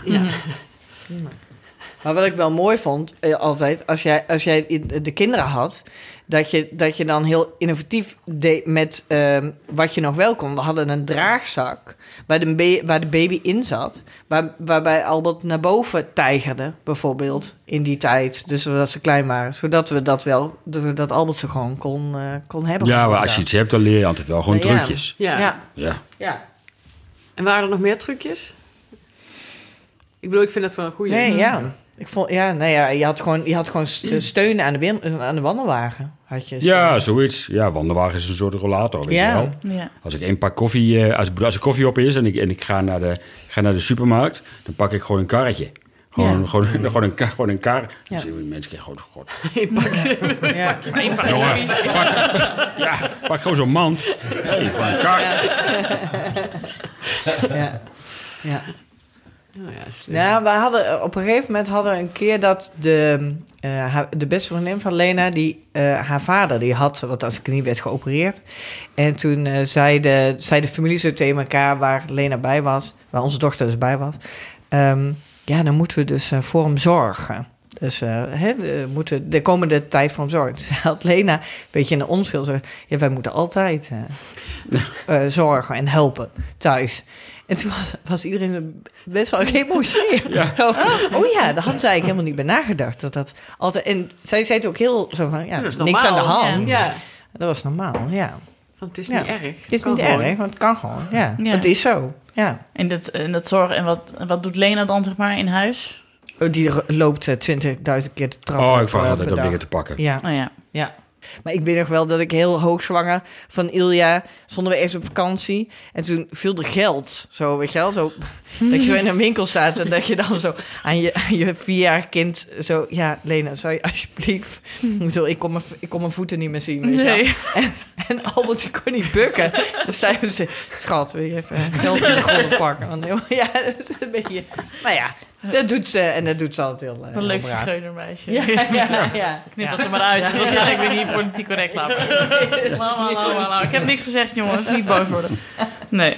Ja, dus eh, ja, die helpt altijd. Ja, daar zijn ze ook een beetje voor. Ja, Daarvoor Ja, heb je- ja, precies. Daarvoor, Ja, ja, daarvoor Ja. krijg je toch kinderen? Ja, daar krijg je kinderen voor. Ja. Dat ze voor je zorgen later. Ja, precies. Nou ja, ik Ja, word een dat beetje nu sneller al. oud dan anderen, dus... eh, ja, Ja, slim. Ja, ze vinden het niet erg. Het laatste, toen, toen, toen was je al gevallen en toen was, er, was, was het erger. Hè? Toen eh, kon je jezelf niet goed bewegen en eh, had je enorm veel blauwe plekken. En dan eh zegt ze wel van ja, wel, ga- wel fijn als je dan weer beter wordt. En dan vraag ik wel, goh, hoe wil je, wat wil je dan dat er beter wordt? Nee, gewoon dat hij geen blauwe plekken meer heeft. Maar ze hebben het dan niet over de spierziekte. Die is er gewoon. Dat, Ja. dat hoort er gewoon bij. Ze weten niet beter. Nee. Nee. Nee, dat is gewoon hun vader. Ja. Ja. Nee, Anne, wat wil jij vragen? Nou, dat, dat, dat- was dat dan eh, schrikken toen je erachter kwam dat het eh, toch erfelijk belast kon? Nou, toen dacht ik wel van, wat hadden wij gedaan als we dat, Ja. als we dat eerder Ja. hadden geweten? Dat, Dat, dat hebben we ook tegen elkaar gezegd. Dat, Ja. dat, dat, we- dat weten wij eh, Weten niet. we niet. Want nee, wil- dat, we- dat we- nee, Nee. ik heb geen idee. Daar hadden we Nee. er wel over na. We hadden we waarschijnlijk kinderen gekregen, maar ja, je weet niet waar je kinderen mee opzadelt. Hmm. Want dus het kan zijn tussen die mevrouw in dat, die robotrolstoel Ja. of die meneer die dus net wel de trap op kan, maar het lastig Ja. vindt. En daar kan het tussen zitten. Dus dat vonden we wel lastig. Gelukkig Ja. hebben we dat nooit eh, hoeven te nee, die- beslissen. dat hoef je, dat, dat, Ja. nee, Nee. daar ben ik wel blij om. Ja. ja, daar ben ik ook blij om. Maar toen, toen eh, daarna beginnen dan geen testen of zo met, de, met kinderen? Om te- Nou, je kunt wel... eh, Mag als er niks aan de hand is, Dan. Nee. Nee, nee dan, of, ik weet niet of het mag, maar dan, dan, dan gaan ze kinderen niet, niet eh, testen. Ze hebben het Nee. recht om het niet te Ja, weten ze- dan. ja, klopt. Dat Ja. Zo, zo, Ja. zo zei die, die, die, Tot die, die Ja, arts tot dat. hun Ja. achttiende, ja. En vinden ze, vinden ze dat raar, dat idee? Of vinden ze dat ook... Nee, dat weten ze helemaal Nee, niet. Dat zij, dat zij bezig, dat zo, nee. zouden, eh, ja, nee, zouden kunnen. dat is ook zo. veel, Dat nee. je tegen een zesjarige Nee, gaat zeggen, nou... Misschien ben je erfelijk belast. eh, Ja. nee, nee, eh, nee, nee. Je weet maar nooit. Ik weet wel dat, eh, dat mijn... Want dat weten veel luisteraars misschien niet, Nee. maar ik, heb, ik, heb één, eh, ik mis een eh, linker onderarm. Maar mijn moeder, die zei, zei altijd tegen mijn vriendinnetjes als ze langskwamen... En, en dan nam ze ze even apart en dan zei ze altijd... kwam ik later achter dat ze altijd zei van... Het is niet erfelijk hoor. Echt? God. Daar kwam ik pas heel laat achter. Ja. En heb je, heb, je, heb je dat nog iets, heb je je moeder nog gezegd van... eh mam, hè? Nee, het is wel echt een, eh, echt een opmerking die mijn moeder zou maken. Compleet in al haar goedheid denkt ze dat ik informeer gewoon. Ik leg alle informatie op tafel dus zonder door te hebben dat het best wel awkward is om dat meteen tegen iemand te zeggen. Ja. Ja, want jij bent, eh, je bent ermee geboren, en je, maar je weet ook niet waarom, hè? Of tenminste, hoe het kan. Nee, ik heb het nooit gevraagd. Ben je daar niet nieuwsgierig naar? Nee, ik, heb, ik heb me dit nog nooit afgevraagd, hoor. Maar dat, toen je dat net voordat we gingen opnemen dat zei, dacht ik... Nee, ik heb, Echt ik heb- niet? Nee, ik heb het wel trouwens wel een keer gevraagd, maar ik ben het direct vergeten. Dus dat, dat boeit me niet zoveel. Ik ben dus nieuwsgieriger naar, de, naar de, de, de- het hoe en waarom van Anne's onderarm dan Anne zelf. Kunnen we niet een keer naar jouw moeder? Ik zal mijn moeder... Ja, nee, maar sowieso.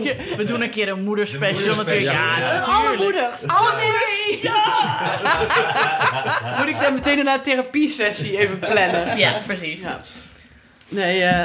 eh, Maar daar heb ik nog wel vragen over. Want, ehm, want ik moet op een gegeven moment denk ik ook aan mijn zoontje gaan vertellen wat, wat, wat er aan de hand is, zeg maar. Ja. Maar heb jij dat ook gedaan met, eh, met je kinderen? Dat je wel op een gegeven moment. Nee, nou alleen dan wel, wel, wel- wel- Ja, ik vraag wel eens van... Vragen ze op school wel eens ernaar? Eh, ja, bedoel, je weet hoe kinderen kunnen zijn, weet je wel. Gewoon, gewoon lomp, direct en onbenullig, wat ook gewoon heel goed is. Ja.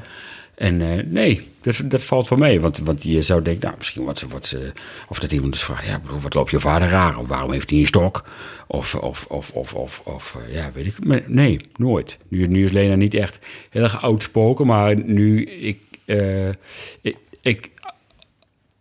Als dat zo zou zijn, dat kinderen zouden vragen, bedoel, dat zou ik er wel uit krijgen.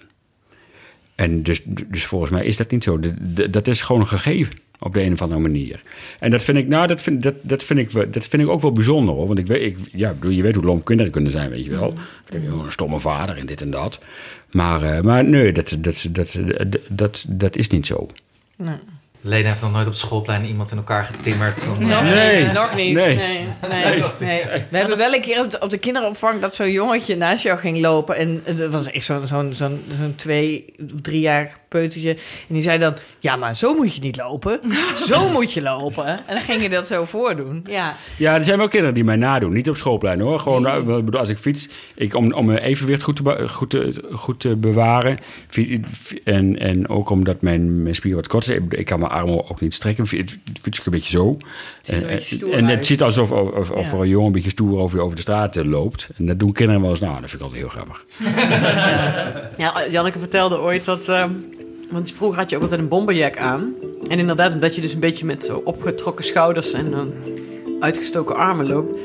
hadden ze een keer bij burgemeesters... had een, een nieuwe uitsmijter tegen jou gezegd... kun je anders niet even hier staan en kan ik Even helpen. Even Ja. helpen. helpen, Ja. ja. Had, jij, had jij daarnaast gestaan ook met een checkie waarschijnlijk zo... Nee. Nee. Nou ja, hij kan, hij Ik bedoel, kan- van wie van je eigen vrouw moet je het hebben? Ook. nou, Albert kan Ik wel was- mensen wegkijken. Dus Ja, eh, nee, hij heeft ik- zijn kracht niet nodig. Ik begreep eh. ook wel helemaal waarom ze het vroegen. Oh, ja, ja, Ik denk Ja, al die huilende Ja. stagiaires. Ja. Ja, Ja. ja. Want daar lukt, Ja. lukt bij de ingang van het burgerweeshuis ook wel, denk ik.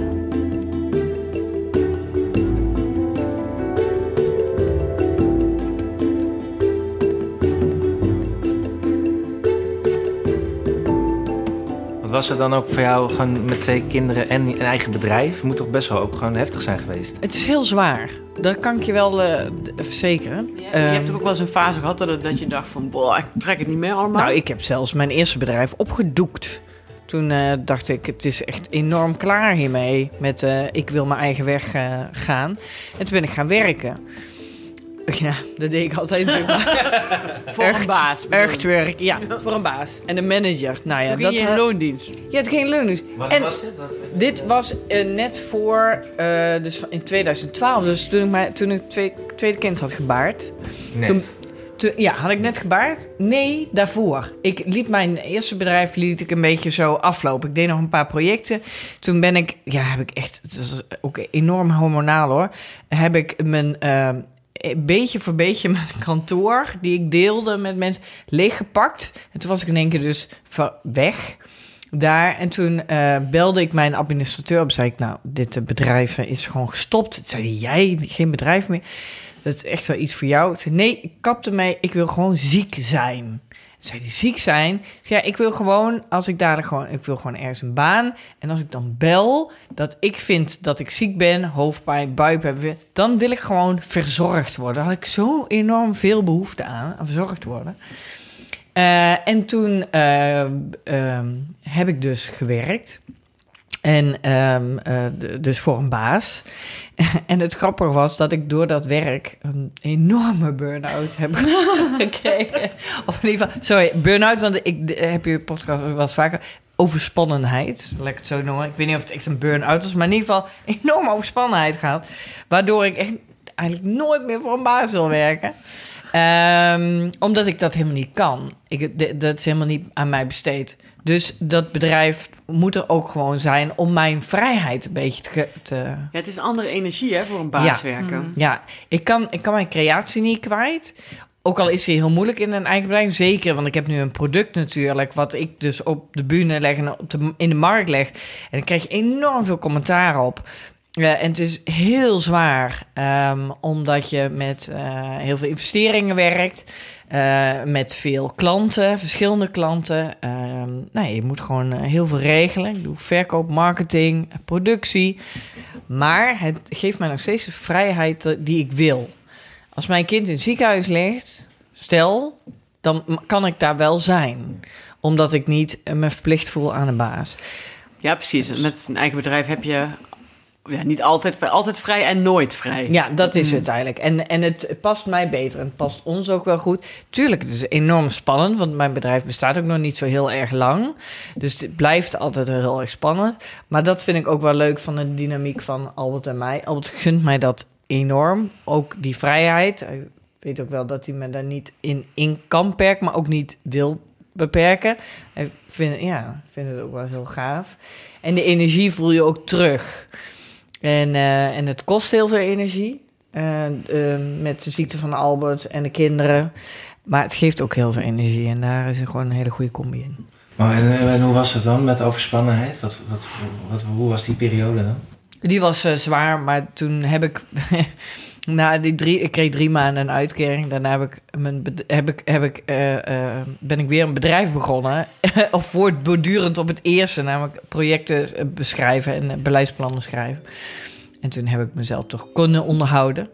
Ehm, maar ik heb... Maar je om- ging niet in loondienst. eh, nee, in ik ging niet meer in loondienst. Nee, maar, ik- niet in de ziektewet in Nee, loondienst. nee. Waarvoor je het eigenlijk had Ja, ja, dat klopt. Ja, ja. ja. gedaan. Maar dat, dat vond ik ook wel. Ik ging wel, ik bedoel, ik- daarom zei ik al, burn-out is volgens mij echt helemaal gewoon helemaal plat liggen. Dit was, ik moest op natuurlijk, want ik, had, ik heb kinderen, dus je, je moet op. Dus ik was wel enorm overspannen, want ik kon echt helemaal niks in angstaanvallen en lastigheid. Ehm, maar ja, je gaat wel gewoon door. En ik heb ook wel, ja, die energie die er toen niet meer was, pakte ik uiteindelijk wel weer op. En ook omdat, nou ja, daar word ook bij geholpen. Ja.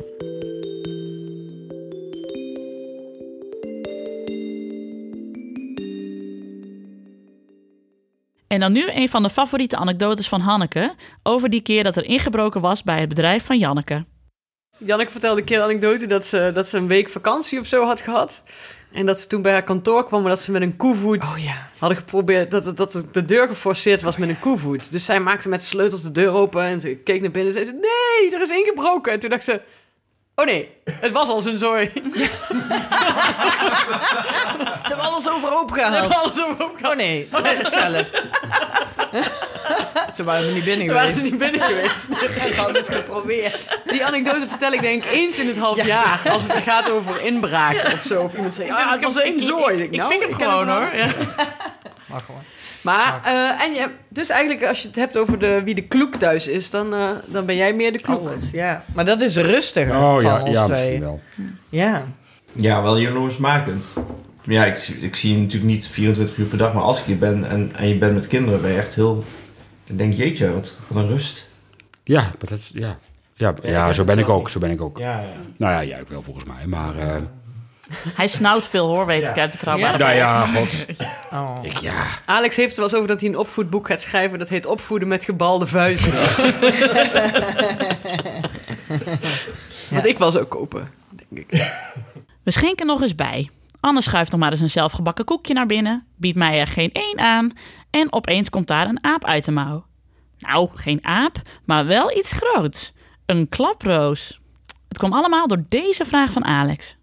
Ik heb nog een vraag voor Janneke. Ik, vroeger was een, eh, de, ik weet nog van vroeger was het nog wel eens een twistpunt wat, Al, wat Albert op zijn eh, als nieuwe tatoeage had. maar ehm, en als, die, als de kinderen nou, eh, ja inderdaad. Eh, Hanneke kijkt nou heel erg verbaasd omdat eh, Janneke ook haar mouw omhoog doet. Eh, Ja. Vertel even, wat gebeurt hier? Ja, vertel even en vertel even wanneer de kinderen hun eerste tatoeage mogen en of ze dat willen. Als eerste, ik ben net 40 geworden en ik had een, eh, een bucketlist. dus Stond ik een heb... tatoeage op jouw bucketlist? Ja, die stond op mijn bucketlist. Maar dus waarom, ik heb waarom nou pas nu dan? Ja, bedoel, omdat dat nooit eerder mocht van, Albert. moeder. Nee, nee, van mijn moeder. Nee, Oh, van Albert. Albert die zei altijd, dat vond ik altijd fantastisch mooi. Die zei altijd, je bent mooi genoeg, je hoeft jezelf niet te versieren. Ah, En, nou, en toen ik nou zei, maar kijk, nu heb ik een tatoeage, nou ben ik stoer, zei hij, daar hoef jij geen plaatje voor te hebben, Janneke, voor stoer te zijn. Dus ik ben nog steeds heel blij met mijn man, zoals je hoort. ah. Maar Albert zette inderdaad nog alles erg grote tatoeages, waar ik niet zo, eh, niet zo heel blij mee was. En dan, dan MSN'de ik met, eh, met Alex Oh, over de ah. grootte van de tatoeage, De vis. Van de vis en van het zustertje op zijn zij. Ja, en Ja, wat vind je de ergste? Oh, poeh. De, de, eh, nou, ik het vond toch niet? De, de ergste vond ik die ik niet had gezien. En dat hij die al blijkbaar maanden op zijn lijf had staan. en dat ik achter hem zat. Weet je wel, wij- dat, dat je zo met heel veel mensen om een tafel zit. En dat ik zo zei: Wat zit er nou achter op je elleboog? en dat ik enorm hard om moest lachen, wat echt jammer was. Ja, taking care of business staat er achterop. die zag jij. Nee, had ik niet gezien. Ja, toen. Nee, maar die zag je pas na. Ja, maanden later. Twee keer business. Zei hij toen. Dat was een beetje jammer. Ja, dat was jammer. Een vriendin van mij, en ik kan dus niet zeggen welke vriendin, want misschien luisteren de ouders en dan is het zaak. Die is dus eh, net 34 geworden en haar ouders weten ook niet dat zij eh ettelijke tatoeages heeft. Maar Ettelijk, eh, nou ja, op de onderrug en op de dijbeen geloof ik. Hawaii bloemen en nog iets. En, eh, Ze zei, ja, als mijn vader hier achter komt, dan, eh, dan, dan is daar het gat van de deur. En hoef ik nooit meer thuis te komen. Dat is echt iets wat. Alma later ook gaat zeggen. Ja. Als, als, als Doris Ja. erachter komt. Dat ze- Ja? Doris' moeder heeft op een gegeven moment heel leuk gewoon een, ook een tatoeagetje genomen. Op een gegeven moment vond ze dat was een soort, nou ja, ook weet je wel, gevoel van... Ik ben een vrije vrouw. Precies. Ja. Oh, sorry. Nou, daar was hij echt, echt gewoon kwaad over. Ja. Ik zeg, laat je moeder toch, als die dat, als die dat tof vindt. Het is toch Ja. haar lijf, ze mag, dat ook best een, eh, Ja. tattoo- ze mag toch best een tatoeage nemen. Als ze dat leuk vindt. Was- daar heb jij toch helemaal geen mening over te hebben? Nee. Nee, maar wat vond hij echt? Ja, nu ondertussen valt het wel mee. Maar ik denk als Alma, zijn eigen vlees en bloed, zeg maar, zijn bloedeigen dochter. En jij dan? Ik, eh, ik, heb een paar, ik heb wel een paar keer bijna een tatoeage gehad. Dat is nooit gebeurd. En dat zie ik altijd als een soort divine intervention. Ik stond ooit een keer op Lowlands in de rij om een tatoeage op Lowlands. Op Lowlands. Ja, dat kan echt niet. Jongen. Zo Van trouwen Henk in Schiefmacher, die dan Ja, zo nou dat is helemaal... echt een allemaal- Dennis. Ja, precies. Oh. Moeder der slechte En dan ook nog op een hele slechte plek. En ik wilde ook iets heel lelijks. Oh, en, eh, een nee, nee, aarsgewei. Hier, hier. Oh, Hier, daar? op mijn, op, mijn, op mijn, hoe heet het, borstbeen. Wat zonde. Zonde, want ik heb ook graag, tegenwoordig graag decolletage. Ja, tuurlijk. Dus ja, dan staat er zo'n een 8. Het cijfer 8 Oh. ook. Want? Maar dat, dat was mijn geluksgetal. Ineens staat Janneke op om foto's te maken. Mochten we wat verrast op de foto staan, dan weten jullie hoe dat komt. Ik zit midden in een verhaal, maar anders zetten we erop. Oh, hier staat het niet op. ondertussen begint Janneke nu foto. Ja. Hoe overleef jij het met die vrouw? Gewoon ADD nog. Maar ik zeg altijd wel tegen mijn kinderen... als ze weer eens op een... Op een met pen op... op Ja. zit ik echt, echt niet op jezelf kladderen. Maar ja. dat deden ze al toen ze heel klein waren. Kinderen kladderen op Ja. zichzelf, toch? Ja. Kijk, papa. Ja. Ja. Kijk, papa heb ik ook. Ja. Oh ja, dat, dat. Julius, die had laatst, eh, waren we aan het lopen en toen was op een grasveldje lag een flesje bier. Toen pakte hij, ik zat even niet op te letten, pakte hij dat flesje bier, deed hij alsof hij op mond zette en zei hij, kijk papa. Oh no. Ja. Ja. Ja, maar dat zeggen ze. Alma zegt ook wel eens: Mama, papa, biertje? Oh ja. ja. Of als ik wijn drink, mag ik ruiken? Ja. Dan laat ik het ruiken en zeg ze: hmm, dan vindt ze het ook niet vies, ruiken. Dus dan denk ik: oh shit. Het heet bij ons nog gewoon grote mensen drinken. Ja, bij ons ook. Ja, voor Ja. de grote mensen. Voor de Julius noemt cola eh, mama water. Oh, oh. Mama, wat? Mama water.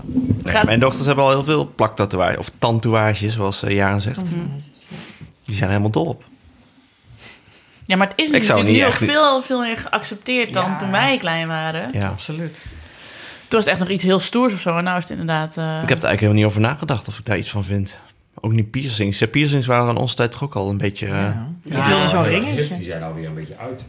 maar ook wel dat de ouders er moeilijk over deden. Ja, met neusring heb ik echt al moeten zeuren.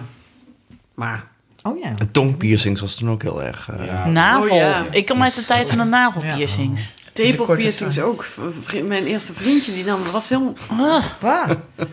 Ik stond er ook bij en dat ik dat had ik niet zeggen. Dat ik dacht, oh fuck. maar waarom? Jongen. Nou ja, ja, ik weet het niet. Omdat Ik hij heb- in Right Set Fred zat?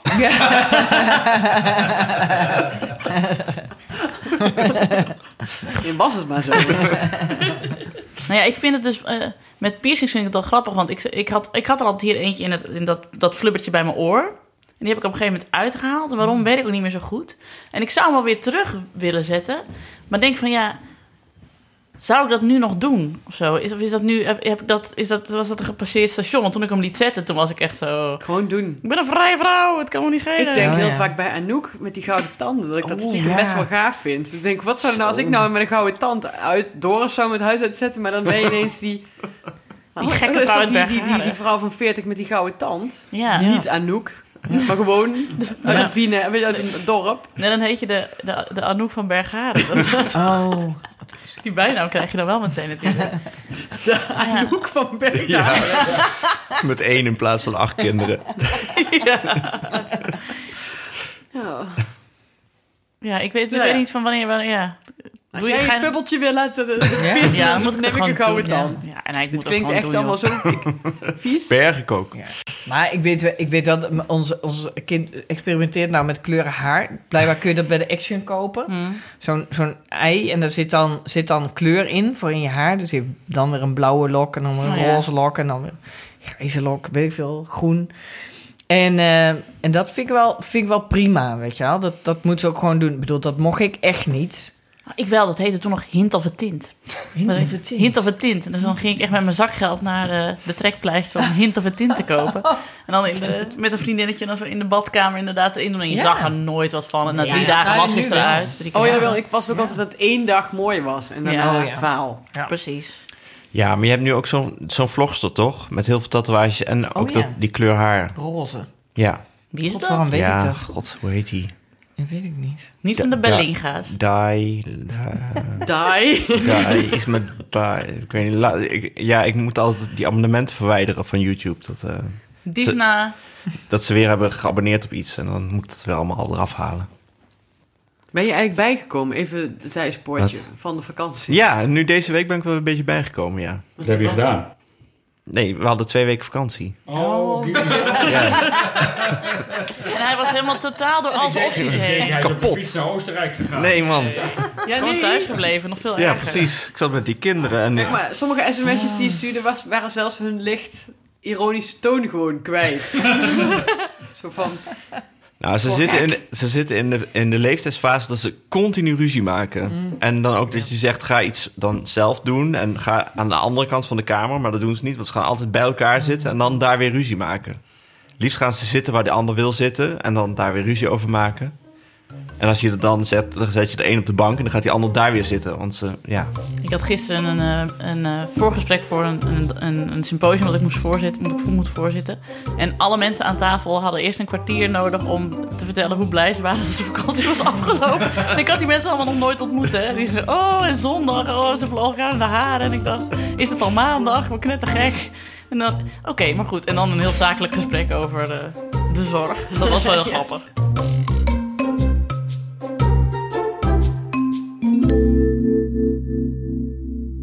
Jullie kennen mij natuurlijk als de werkende moederkloek, maar ik heb dus ook een glamoureuze kant.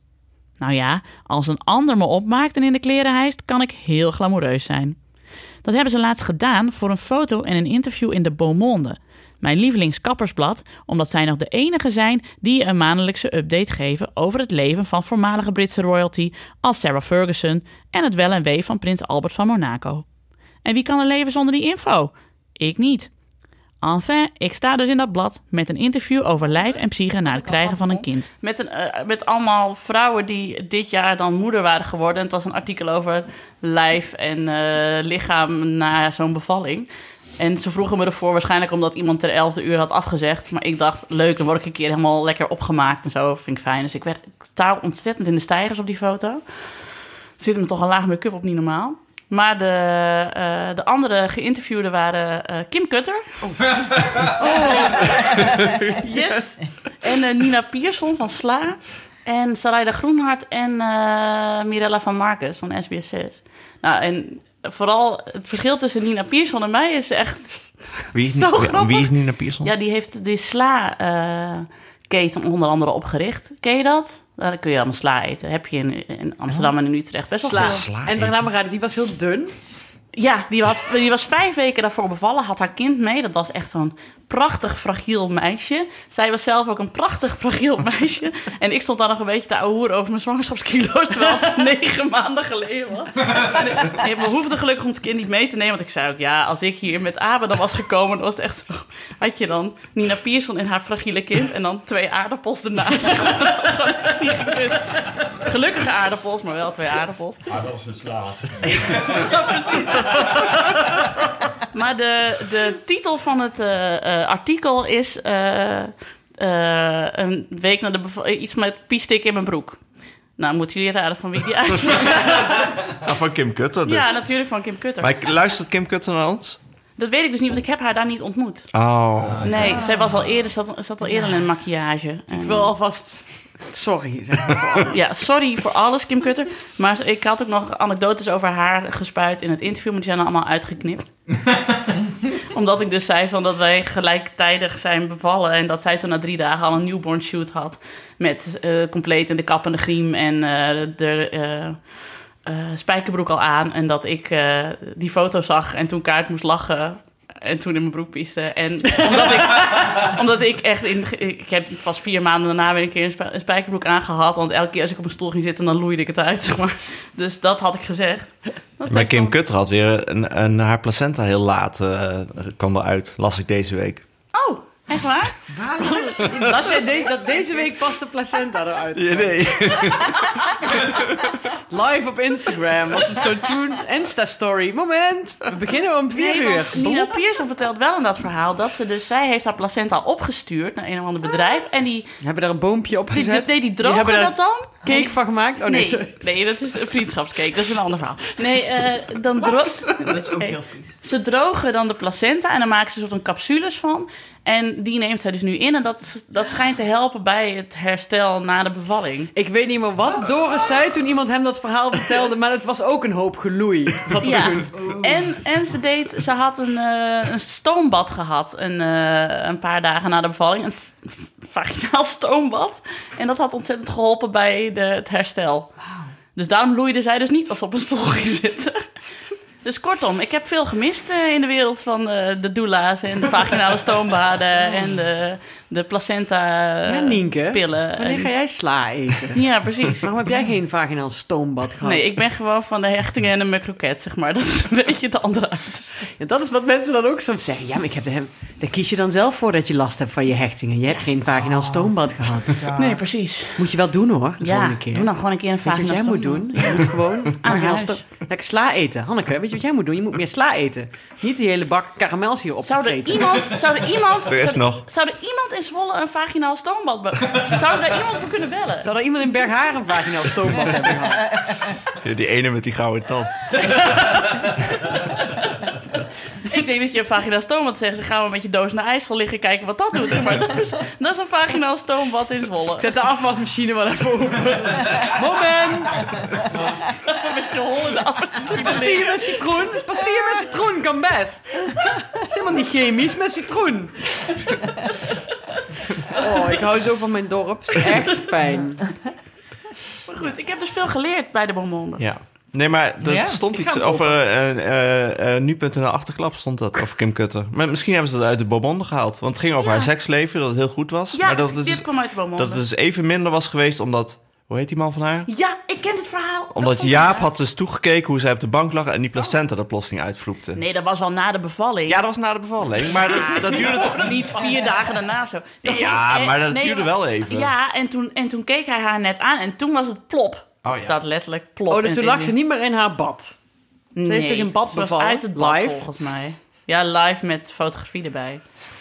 Sorry Kim, dat ik Ja, nou weer sorry, begin te zeiken. Wij, zijn, wij doen toch ook aan parent shaming, maar we shamen maar één parent eigenlijk. Nee, ik, ik heb nou een kwartier... Nee, maar ik... Nee, Nee, je hebt net ook iemand anders geshamed, dat is wel...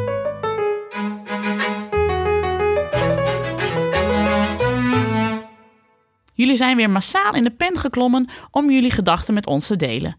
Zo fijn.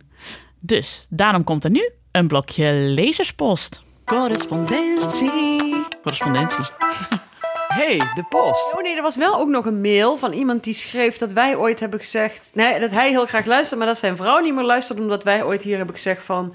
dat je pas een echt moeder bent als je twee kinderen Ik hebt. kan me niet voorstellen dat ik dat... Ik wel van dat ik dat de laatste keer zei Misschien van... heb ik een keer een grap gemaakt of Nee, zo. gezin. Gezin, een gezin. Oh. Moeder, maar dat, eh, met twee kinderen. Oh, dat je pas echt een gezin bent met twee kinderen.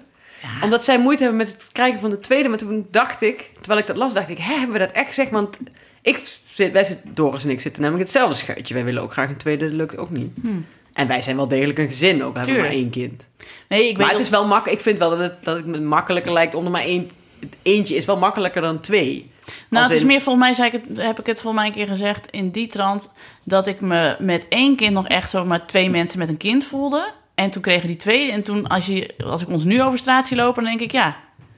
Van, oh ja, dat ziet er, het ziet er heel gezin. Ja, maar dat bedoel ik niet per se eh, beter Misschien of heeft slechter ze of jou, zo. jouw opvattingen als een soort waarheid. eh, Ja. Als een, en Terwijl het was meer een gevoel. disclaimers. Nienke's meningen moet je nooit als een soort Nee. waarheid zien. Dus, nee, kom dus ga nou niet met je doos in de vaatwasser hangen. Nee, ook niet met citroen Nee. afwasmiddel. Eh, dus kom vooral terug, want we vinden... Ik, nee, ik, ben, Nee. ik voel mij ook een, ook een compleet gezin met één kind. Ja. Ook al wil ik er eigenlijk nog wel één. Maar goed, Deo Volente. Wat is eigenlijk de definitie van een gezin? Kun je ook zonder kinderen een gezin zijn? Ik ben een kat. Nou, ik denk, dat, wel... wel- ja, ik denk dat veel mensen die geen kinderen hebben, maar bijvoorbeeld wel een hele intense band met een hond. Bedoel, Honden staan toch ook al onder rouwadvertenties. Dan voel je toch ook een gezin? Ja, ja, en een vriendin van mij, die, die, die wil geen kinderen. En die had mijn boek gelezen, waar, wat gaat, voor een groot gedeelte gaat over ongewenste kinderloosheid.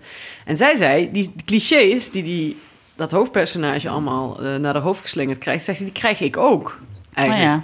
Er wordt zo vaak aan haar gevraagd, waarom dan? En waarom je, dan vind je het niet erg dat je het mist? Of weet je wel? Nou ja. Zal ik even voorlezen? Gezin is de term voor alle samenwerkingsvormen die een herkenbare sociale eenheid op microniveau vormen met al dan niet verwante personen die duurzame en affectieve banden hebben en elkaar onderling steun en verzorging verlenen. Nou, dat kan dus zeker met honden. Je hebt dus een... Ja. Ja, ja. Ja. Ja. Dus, we zijn erover uit. Ja. Oké, en er was een, eh, een WhatsApp, kwam binnen van een meneer... Die zijn naam er niet bij heeft gezet, maar ik heb wel een foto, maar dat kunnen we niet zien. En een telefoonnummer, maar dat ga ik niet noemen. Beschrijf de foto's. Ehm, ja, een beetje... De WhatsApp-foto is heel netjes, maar eh, die laatste foto is een beetje metalhatterig. Met een pet op en zijn zoontje heeft ook een pet op. Dat was stoer. Stoer. Ja. Stoere meneer. En hij zegt, dit vind ik interessant, want misschien zijn er wel meer geïnteresseerden. Eh, hierbij wil ik met meer dan bovenmatige interesse intekenen voor een mega 3 mox mok met de tekst ja, ha. Yes. Ik wil die eigenlijk ook. Ja, ik ook. Dus we gaan daar eens achteraan. Ja, maar die kunnen we ook als relatiegeschenk geven. Want we hebben dus een... Ik ken iemand die... eh, eh, eh, eh, Mok gekregen. ja, kerstpakket gekregen. Van Ja. Anne, we hebben mok gekregen. Ja. Dus niet een tatoeage. Er staat Nee. op dag en nacht media loves. Ik ken iemand die. En het is een hele fijne mok ook. Ja. Ik heb hem ook al een keer En ik gebruikt. vond het ook heel fijn om te krijgen. Dus ik vind het ook een goed En relatiegeschenk. het leuke is dus, hij is dus ontworpen door Wiets Valkema. Ja. En dit is ook de ontwerper van onze geboortekaartjes en onze trouwkaartjes. Nou, wat een toeval. hij En past gewoon helemaal mijn in boeken? de lijn. En jouw boeken. Ja. Huh? Ja, en mijn boeken. Ja. Maar wij gaan dus, ik, ga, ik, ik, ga, ik heb ja, gro- hele grote mokken moeten Ja. we hebben. En Wietse gaat ze maken en er staat op ja, ha. Ja, ha. En eh, eh, pas praten als deze leeg is. Ja. En deze, de, deze jongen is de enige die ik ochtends graag een hand geef, zoiets. Zoiets, ja. Maar dan beter geformuleerd. En daarna zegt hij... Daarnaast hulde voor het standpunt over kindermuziek. Haha, dat was mijn standpunt. Ja, Eh, ik weet het niet ja meer. dat zij alleen maar dat, eh, allemaal eh, Oh, ja, elitaire muziek Oh, luisteren. Onze oudste is gek van Testament en Iron Maiden. En de jongste draait graag rondjes op Overkill en Behemoth. Zo. Ik ben dan blij dat jij weet hoe je het moet uitspreken. Ja. Weet Heb je die wel eens geboekt? Behemoth? Behemoth. Ja. Behemoth? Overkill. Behemoth. Dat is wel- ja, dat is wel te gek, hè? Ja.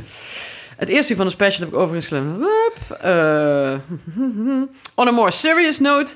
Onze zoon lijkt sinds hij naar de basisschool gaat steeds meer last te hebben van driftbuien, oververmoeidheid en prikkels. School kost hem ontzettend veel energie en alle indrukken lijken erg, erg veel voor hem. Hij is daarnaast erg gevoelig ten aanzien van gecorrigeerd worden. Nu wordt al snel gezwaaid met de term hoogsensitief. En ja, als je de kenmerken leest, dan tikt hij wel erg veel boksen. Maar ik ben een beetje bang voor het horoscoop-effect. Haha. Het aanbieden van structuur en de handvaten die geboden, handvatten die geboden worden voor hoogsensitieve kinderen lijken te helpen. Maar de driftbuien en het niet willen luisteren houden aan. Hebben jullie ervaring met dit onderwerp en wat is jullie standpunt? Ik balanceer steeds tussen hoogsensitief is het nieuwe ADHD en een kind moet gewoon luisteren. En ja, ik wil je beschermen, al- al- arme kerel. Loop de hele dag op eigen en doe mee aan alle moderne opvoedtrucjes. Hahaha. Nou, ik snap eigenlijk wel wat hij bedoelt. Dat je, als je kind heel lastig is, dat je dan... eh, of heel lastig, ik bedoel... Nou ja. Als Alma bijvoorbeeld een lastige fase heeft... dan zit ik ook altijd heen en weer te slingeren tussen... oké, nee, ik moet ouderwets streng zijn... of nee, ik moet, het, ik moet toch een beetje de... Ja, maar hij- goede methode, kom maar bij mama. Nee, maar wat hij, wat hij eh, meemaakt, dat is wel typisch voor eh, kinderen die net naar de basisschool Ja. gaan.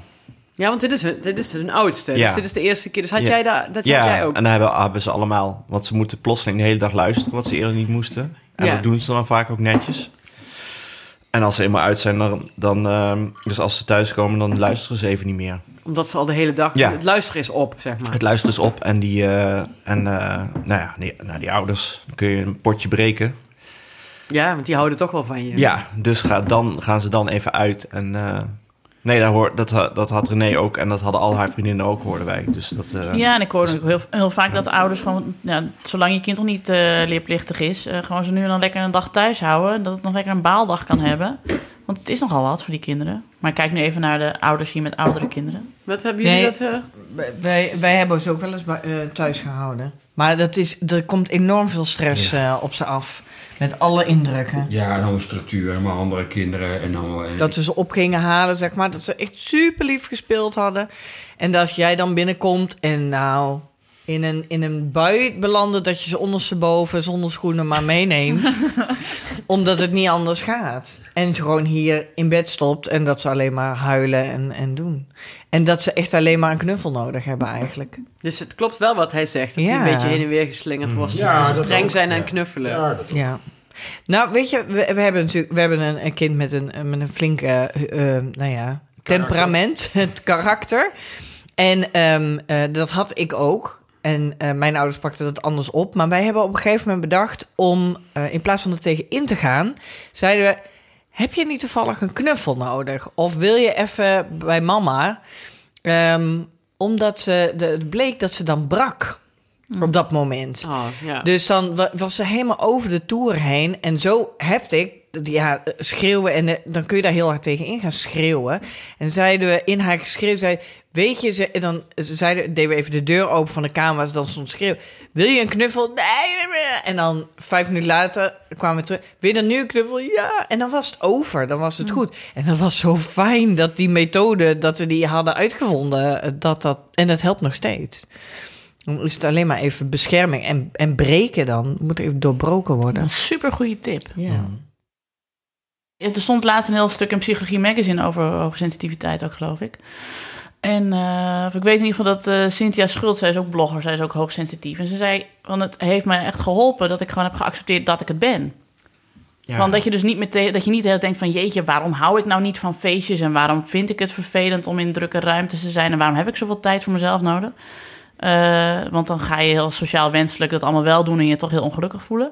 En nu zij heeft eh, met zichzelf heeft afgesproken, ja, dit ben ik. En daarnaar handelt, zeg maar, door dus niet naar feestjes te gaan en tegen mensen zeggen: Ik wil met je afspreken, maar niet met 15 anderen erbij, maar gewoon met z'n tweeën. Nou, eh, zit ze goed in de vel. Ja, precies. Je moet toch altijd... Ieder mens moet...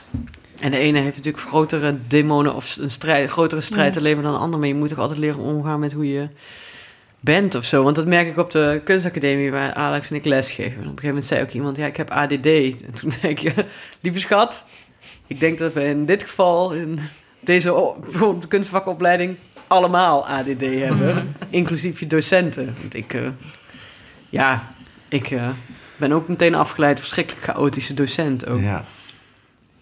Ja, nee, nu ik dat hoorde, denk ik van... oh, dat is dus die, die symptomen die eigenlijk mensen al, eh, al heel veel hebben en heel lang. En wat je dus ook altijd in boeken leest, omdat al die schrijvers het ook hebben. Ja. Dat heet dus hoogsensitief nu, ja. Dat je niet... Ja, ja, oké. Volgens mij moet je je kinderen niet blootstellen aan honderdduizend eh, eh, activiteiten per dag. Ja. Eh, Ja, en je hebt mensen die heel makkelijk koetjes en kalfjes bespreken... en anderen die dus inderdaad op feestjes niet zichzelf zijn. Of eerst drie bier nodig hebben Ja. om er dan in te komen. Dan heb ik het even over mezelf. Oh, dat had ik hem niet door, joh. Nienke en ik daarentegen. Ja. Nee, joh. Maar Maar werd het met, eh, op een gegeven moment dan wel met René minder? Dat die baas Ja, eh, ik vond eigenlijk, eh, ja, eh, groep 3 sowieso. Volgens mij groep 2 al, maar eh, groep Dus 1 is het ergste. De kleuterschool moet je gewoon even wennen. Ja, heel erg. Daar Het is de kleuterschool een misschien enorme ook voor, overgang, ja. toch? ja.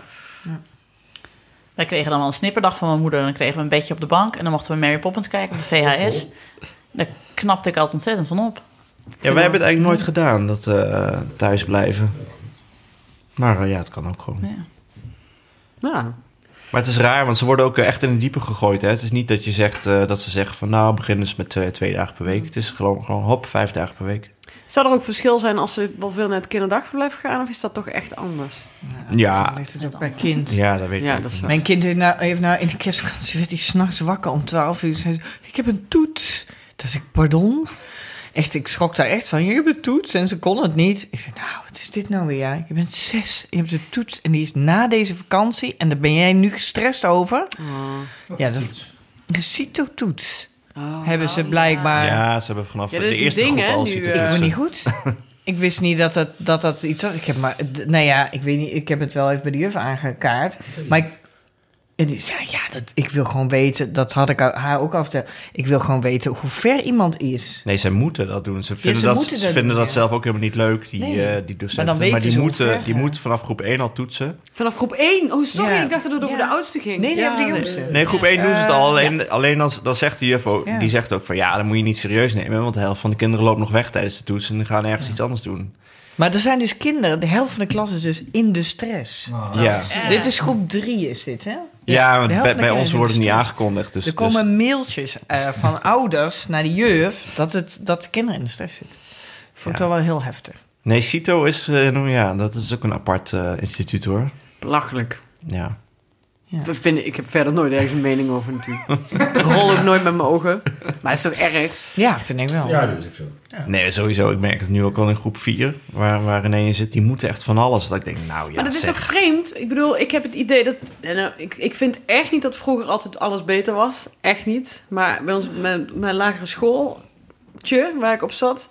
Ja, dan had je dan op het einde een keer de CITO. Maar Ja. ik had altijd het idee dat de docent wel wist... Ah nee, Frank moet naar de schoefelschool en eh Michieltje moet Mm. daarheen. Ja. En Hanneke die gaat maar even Maar er zit ook. Nou, de- maar er zit ook wel een tussenweg tussen. Want ik weet ook wel van... ehm, wij hadden ook allemaal van die kleine scholen natuurlijk in de buurt hè, in Friesland. En dan had je ook bijvoorbeeld scholen waar dan de meeste van groep 8 zo'n eh, enorme stem had in waar zo'n kind naartoe ging. ja, Dat hij dan heel erg met vooroordelen ging werken. Een vriendin van mij... Ja, precies. Dat is, Die- ook, ja. dat is ook weer niet goed. Nee, dat is precies. vriendin van mij- was niet alles beter, nee. Nou ja, een vriendin van mij kwam uit een gezin wat niet heel erg hoog opgeleid was. En toen zei ze ook, ja, ga maar MAVO-HAVO doen.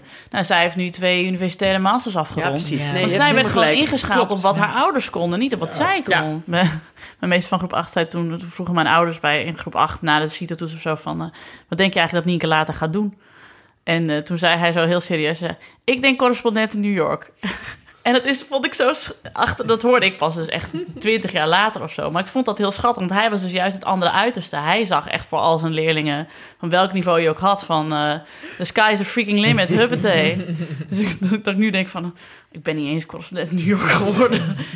ik heb Nee, maar je staat wel met Kim Kutter in de bomen onder. Yes, precies.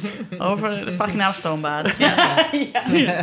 Maar waar ik wel weer heel blij mee ben, is dat onze oudste dochter van tien, die gaan dus nu is aan het kijken naar scholen. Dat eh, ik heb gewoon eh, ehm, eh, eh, HAVO gedaan, HAVO. En, eh, en nu zijn er allerlei variaties. Dus zij is enorm afgeleid, eh, onze dochter. Dus zij kan zich echt eh, nul concentreren. Maar ze is heel creatief. Als die bedenkt, ik ga eenwieleren en ik ga hockey eenwieleren... dan gaat ze zichzelf dat aanleren met een vriendin... en daar is ze uren mee bezig. En dat kan ze wel weer goed. Dus ze, er zijn nu scholen waarin je... dat heet dan groene scholen of weet ik veel... cre- Ja. een beetje creatieve scholen... waarbij ze kunnen, dus het kunnen leren... maar ook een moestuin hebben. Of de dieren verzorgen. En daartussen, en dat vind ik wel heel erg gek, dat dat er is. En dat ze niet alleen maar omdat ze zich niet kan concentreren, eh, VMBO eh, dadelijk eh, Ja, doet, of. MAVO. Maar dat ze, dat ze ook in haar creatie, zeg maar, eh, nu al op de middelbare school wordt, wordt gestimuleerd. In plaats van dat we denken, nou ja, die moet ooit naar een sportacademie of naar, weet ik veel wat. ja. Of naar een creatieve opleiding. Dat wordt dus nu al eerder gedaan. Dat vind ik wel heel fijn van nu. Precies. Maar dan hebben we nog meer... eh, Nou, verder nee, wat kleine dingen. Gewoon mensen die zeggen dat ze graag luisteren. En veel mensen tijdens het hardlopen. Oh, Jozanne zegt dat. Leuk. Jammer dat de Lidl eh, ze gewoon augurkensticks noemt, zegt ze nog. Net boodschap gedaan, ik was geïnspireerd. dat is grappig. En eh, even kijken. Oh ja, er was nog iemand die dus tegen mij zei van... eh, eh, zij heeft een dochter die Ronja heet en die noemen ze dus Ronnie Flex. Omdat ik dus vrij vaak Ali Mentatie of Ali Siankali zeg. Tegen Ja, wij noemen. Jan dus altijd Jan, dus dat is ook altijd in de het speeltuin. eh, eh, doet hij ook mee. Mensen zien dus ook echt niet dat het een meisje is. En ik dacht dan even, je ziet toch wel dat het een meisje is? dacht ik, oh ja, maar we noemen haar ook de hele tijd Jan. Dus ik snap op zich ook wel waar dit fout gaat, ja. Wacht, en nog iets. eh. Oh ja, en haar dochter is dus net zo oud als Abe. Maar qua kilo's wel wat draagbaarder. Oh ja. Oh. Heeft er niemand op de koopzegels gereageerd? Ja, maar mensen zijn er aan het bijkomen van die Ja, ja. epifanie. Ja, dat- Nou, ja. ja, hoe eh, staat het ermee? Heb je je nieuwe wiel al gekocht? Eh, nee, maar eh, het, kerst heeft wel eh, geholpen. Ah, ja, natuurlijk. Ik ben bij halverwege het tweede boekje. Halverwege je tweede wiel. Oh, en iemand die vraagt wat wij van de mommy-bonus vinden. Wat? Wat is een mammybonus? Ik heb die niet eens. Ik zeg, ja, ik kijk ernaar. Heb ik, heb ik helemaal niet meer gedaan. De mooie bonus? Is dat werpgoud? Ja, Ja? Wat? wie, eh, wie, voor wie de emancipatie liever lekker aan zich voorbij laat gaan... is een nieuwe trend, de mommy-bonus. Bij goede prestaties krijgen sommige vrouwen namelijk een vette bonus... van een rijke man aan het einde van het jaar. Oh, jij hebt dat toch, eh, Hanneke, of niet? Huilen van het lachen. Als Ik doktersvrouw? had, ik had Als het- doktersvrouw, nee. Oh, ik ga er ook altijd zo prat op dat ik evenveel bijdraag aan de gezamenlijke pot. Dat heb je namelijk in de vorige Ik podcast ga het ook al vanaf nu gezegd. gewoon iedere aflevering Ja. zeggen. Maar aangezien we toch alles iedere keer herhalen. Ja, ja. Ik ben heel, daarom ben ik heel arm en mijn man heel rijk. Ja, maar de, de mommy bonus, daar had ik echt nog nooit van gehoord. Ik vind het ook een gekke... Ja, dat is niet in onze wereld, denk ik. Ik wil wel een daddy bonus eigenlijk. Ja. Daar ben, ben ik heel eh, liberaal in. Een daddy bonus klinkt meteen heel vies. Een mommy bonus. Ja. De daddy bonus. Is wel zo, ja. Nou ja, schatje, ik kom een daddy bonus ophalen. in, mijn, in mijn vriendenkring is werpgoud altijd wel een heikel onderwerp. Want je hebt dus van die vrouwen die dus wel werpgoud krijgen. En dat... eh, ja, werpgoud is gewoon een mooi sieraad als je een kind hebt gebaard. Oh, wauw. Nou, Kijk, ja. waar- ik eh, zoek nog twee eh, oorbellen.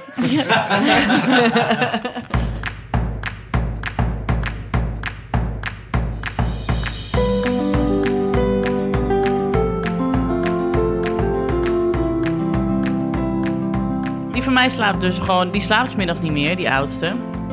En ik, vond, ik was ook gewoon teleurgesteld dat ze het niet meer deed. Dat je een beetje, gewoon- je wilt niet kwaad zijn op je kind, maar je, het, het voelt alsof weer iets jou wordt afgenomen. ik, heb, ik heb ook recht op dit middagslaapje. En dan doet ze dat niet meer. En toen maakte een vriendin het ook nog erger. Die zei, ja, maar Jan is daar wel vroeg mee hoor, dat ze niet meer slaapt. Want die van mij, eh, zij heeft dus een zoon met dezelfde leeftijd. Dezelfde leeftijd, die slaapt soms middags gewoon nog drie uur achter elkaar. En dan hoor ik dat en dan... Ik hou zielsveel van mijn kind, maar dat had ik ook heel graag gewild. Gewoon even op de bank. Oogjes dicht. Het is ook mijn me-time. Ja, ik snap het helemaal. Ja. Maar Maar dat vang is- je dan toch door een iPad? Nee, ja, we zetten nu ook wel smiddags gewoon even dan een filmpje op. Want anders is het anders dan stort ze vier uur eh, in. Dus moet, er moet wel even een rustmoment gecreëerd worden. Je kunt niet gewoon doorkachelen. Dus ja, ach, dan doe ik dan een beetje internet shoppen en dan mijn winkelmandje weer leeghalen, zeg maar. Terwijl zij... ja, wat? Eh, Winnie de Pooh eh, knorretjes grote film? Of eh, ik kijk nu naar Anne, want Anne is mijn Winnie de Pooh vriend. Olifant. De Lollifantenfilm is veel beter. en die, die knorretje film, die blieft jullie is toch ook niet? Nee, wil die niet. Nee, nee, Jan ook niet. Nee. Het, ik, het, een vraag aan Netflix, mochten ze luisteren. Ik wil meer, eh, meer Winnie de Pooh op Netflix. Maar goed. Ken je, ken je. Masha en de Beer? Ja, ja. Vind ik eh, een beetje een irritant kind. Ja, dat, daarom. Ja. daarom vinden kinderen het heel leuk en is het niet om aan te horen. Oh, die heb ik geïnterviewd trouwens. Masha? De beer? Ja. Nee, Masha. Met, Ja. die doet al die stemmen. Die doet al die stemmen, ja. ja. Oh, ja. hoog. Ze is inmiddels ehm, Oh. 19 of zo. Ja, ik weet wie dat is. Ja. is gewoon jong. Was zij ook niet de oude Peppa Pig? Eh, ze kan er wel in gezeten hebben. Maar ze- dat is wel lastig, want ze doet het dus al tien jaar. Dus en ze moet dus nu af en toe haar, haar negenjarige stemmetje weer opzetten. Dat is wel moeilijk, moeilijk voor de... Ik kan me voorstellen, Ja. ja. Er zijn er meerdere Peppa's. De, van mij is was de laatste nieuwe Peppa, maar ik wil je vanaf. Ja, dat doen ze af en toe, ja. Dat, want het wordt dus... zij houden het nog wel vol, maar heel veel mensen... Ja, die stem verandert, dus dan kan het niet meer. Dat was ooit met Pino. Die Ja. veranderde ergens. Ik heb, Oh, ik, heb ik nog nooit aan kunnen wennen. Nooit. ik, ben- ik, nee, ik denk ook, ik denk wie, wie, wie, oh, Wie ze, is vast een heel aardig iemand en leuk en, Vast. en echt alles, maar wie cast zo'n kutstem? Sorry hoor, zelfs voor een kinderprogramma. Ja. Ja. doe jij Pino nou? Was jij nu heel erg? ik laat het maar. Nee, sorry, ik kan, er niet, ik kan niet tegen die stem. Nee. Ik sms Nee. dat wel eens naar Doris. kan echt Van, niet. En dan krijg ik, of hij sms dat wel eens naar mij. Pino, godverdomme Pino. Maar had... had, had eh, dat is misschien een goede lezersvraag, of luisteraarsvraag. Volgens mij, ik heb ooit gehoord dat Pino iets met Tommy had. De oude Pino. Nee, Ja, nee. eh, de, eh, het is wel zo dat de zoon... Nee, de, zoon, de dochter van Aart Staartjes heeft ooit iets met Pino gehad. Maar de man die toen in het Pinopak zat, hè? Dus niet de stem, maar de man die in het Pinopak zat, hè? En dat was, eh, maar dat heeft Aart Staartjes een keer in een interview in de Volkskrant geze- gezegd. Maar, Maar dat was niet goed afgelopen. Ja. Ja. Heb je je verhaal rond? Kunnen we hier wat van? Heb jij je verhaal? Alex, heb jij je verhaal rond? Ja, ik heb mijn verhaal helemaal rond. Met dank aan jullie. Samen. Samen. Samen. It takes a village, Hanneke. Ja. Die hadden we nog niet genoemd. Ik wil wel even dat ik, ik ben niet van, want we hadden het net over mommy shaming, hè? Daar ben ik, ben ik niet van hoor. Maar het is meer, ja, nou, maar meer dat ik dan, als ik dan de Beaumonde lees, dat ik dan denk, mensen doen het zo anders. Dat ik dan helemaal geschokt van kan raken. Van, ik, dacht wel dat ik alle variaties van het moederschap inmiddels wel een beetje kende. Maar dit is zo 180 graden anders. Ja, en een bepaalde vorm van perfectie schrikt altijd ook een beetje af. Ja. Mij in ieder geval. Of is dat ook... ja, maar dat is ook altijd maar het beeld wat, je, wat, wat, wat, wat op Instagram te Ja. zien is. Ik weet ook wel dat dat niet zo is. En jij bent een prachtige aardappel. Dank. Ik ga liever, ik ga Ik liever, sta- ik ga liever met een aardappel op vakantie. Met Ik, maar ik sta Nee, maar ik sta ook... Nee, maar dat is, het is niet mommy shaming. maar Nee, het is gewoon nee. meer dat je denkt... Oh, ja, dat, je kunt natuurlijk ook een fotograaf bij je bevalling hebben... maar ik heb er echt nooit een seconde over nagedacht. Weet je, dat soort dingen. Terwijl het dus voor heel veel mensen heel normaal is... om een fotograaf bij je bevalling te hebben. Ja, voor andere mensen hebben gewoon weer een slaving bij een bevalling. Exact. Of niks. En we zijn rond. We zijn rond. Je mag met Tom in een praatgroep hoor, Albert. Ik denk dat hij er ook... Met mij krijgt Doris had een kiesje, die heeft hij gewoon opgegeten. Maar dat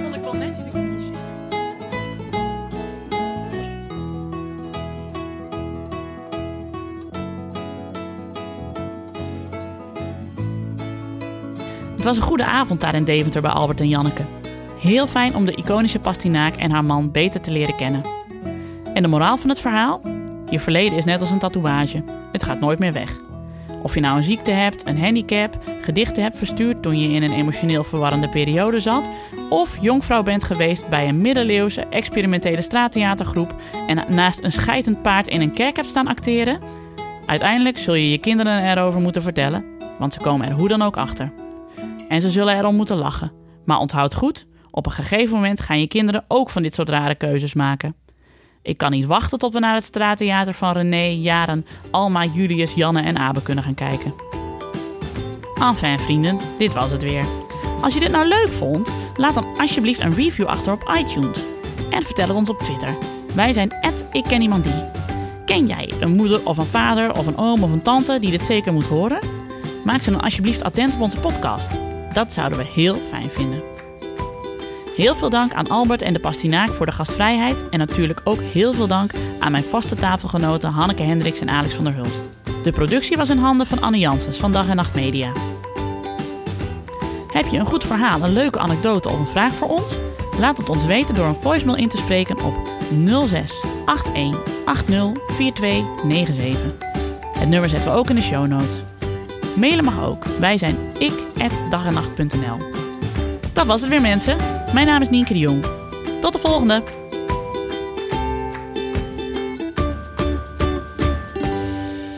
Volgens mij heb ik alle karamels opgegeten. Oh, echt?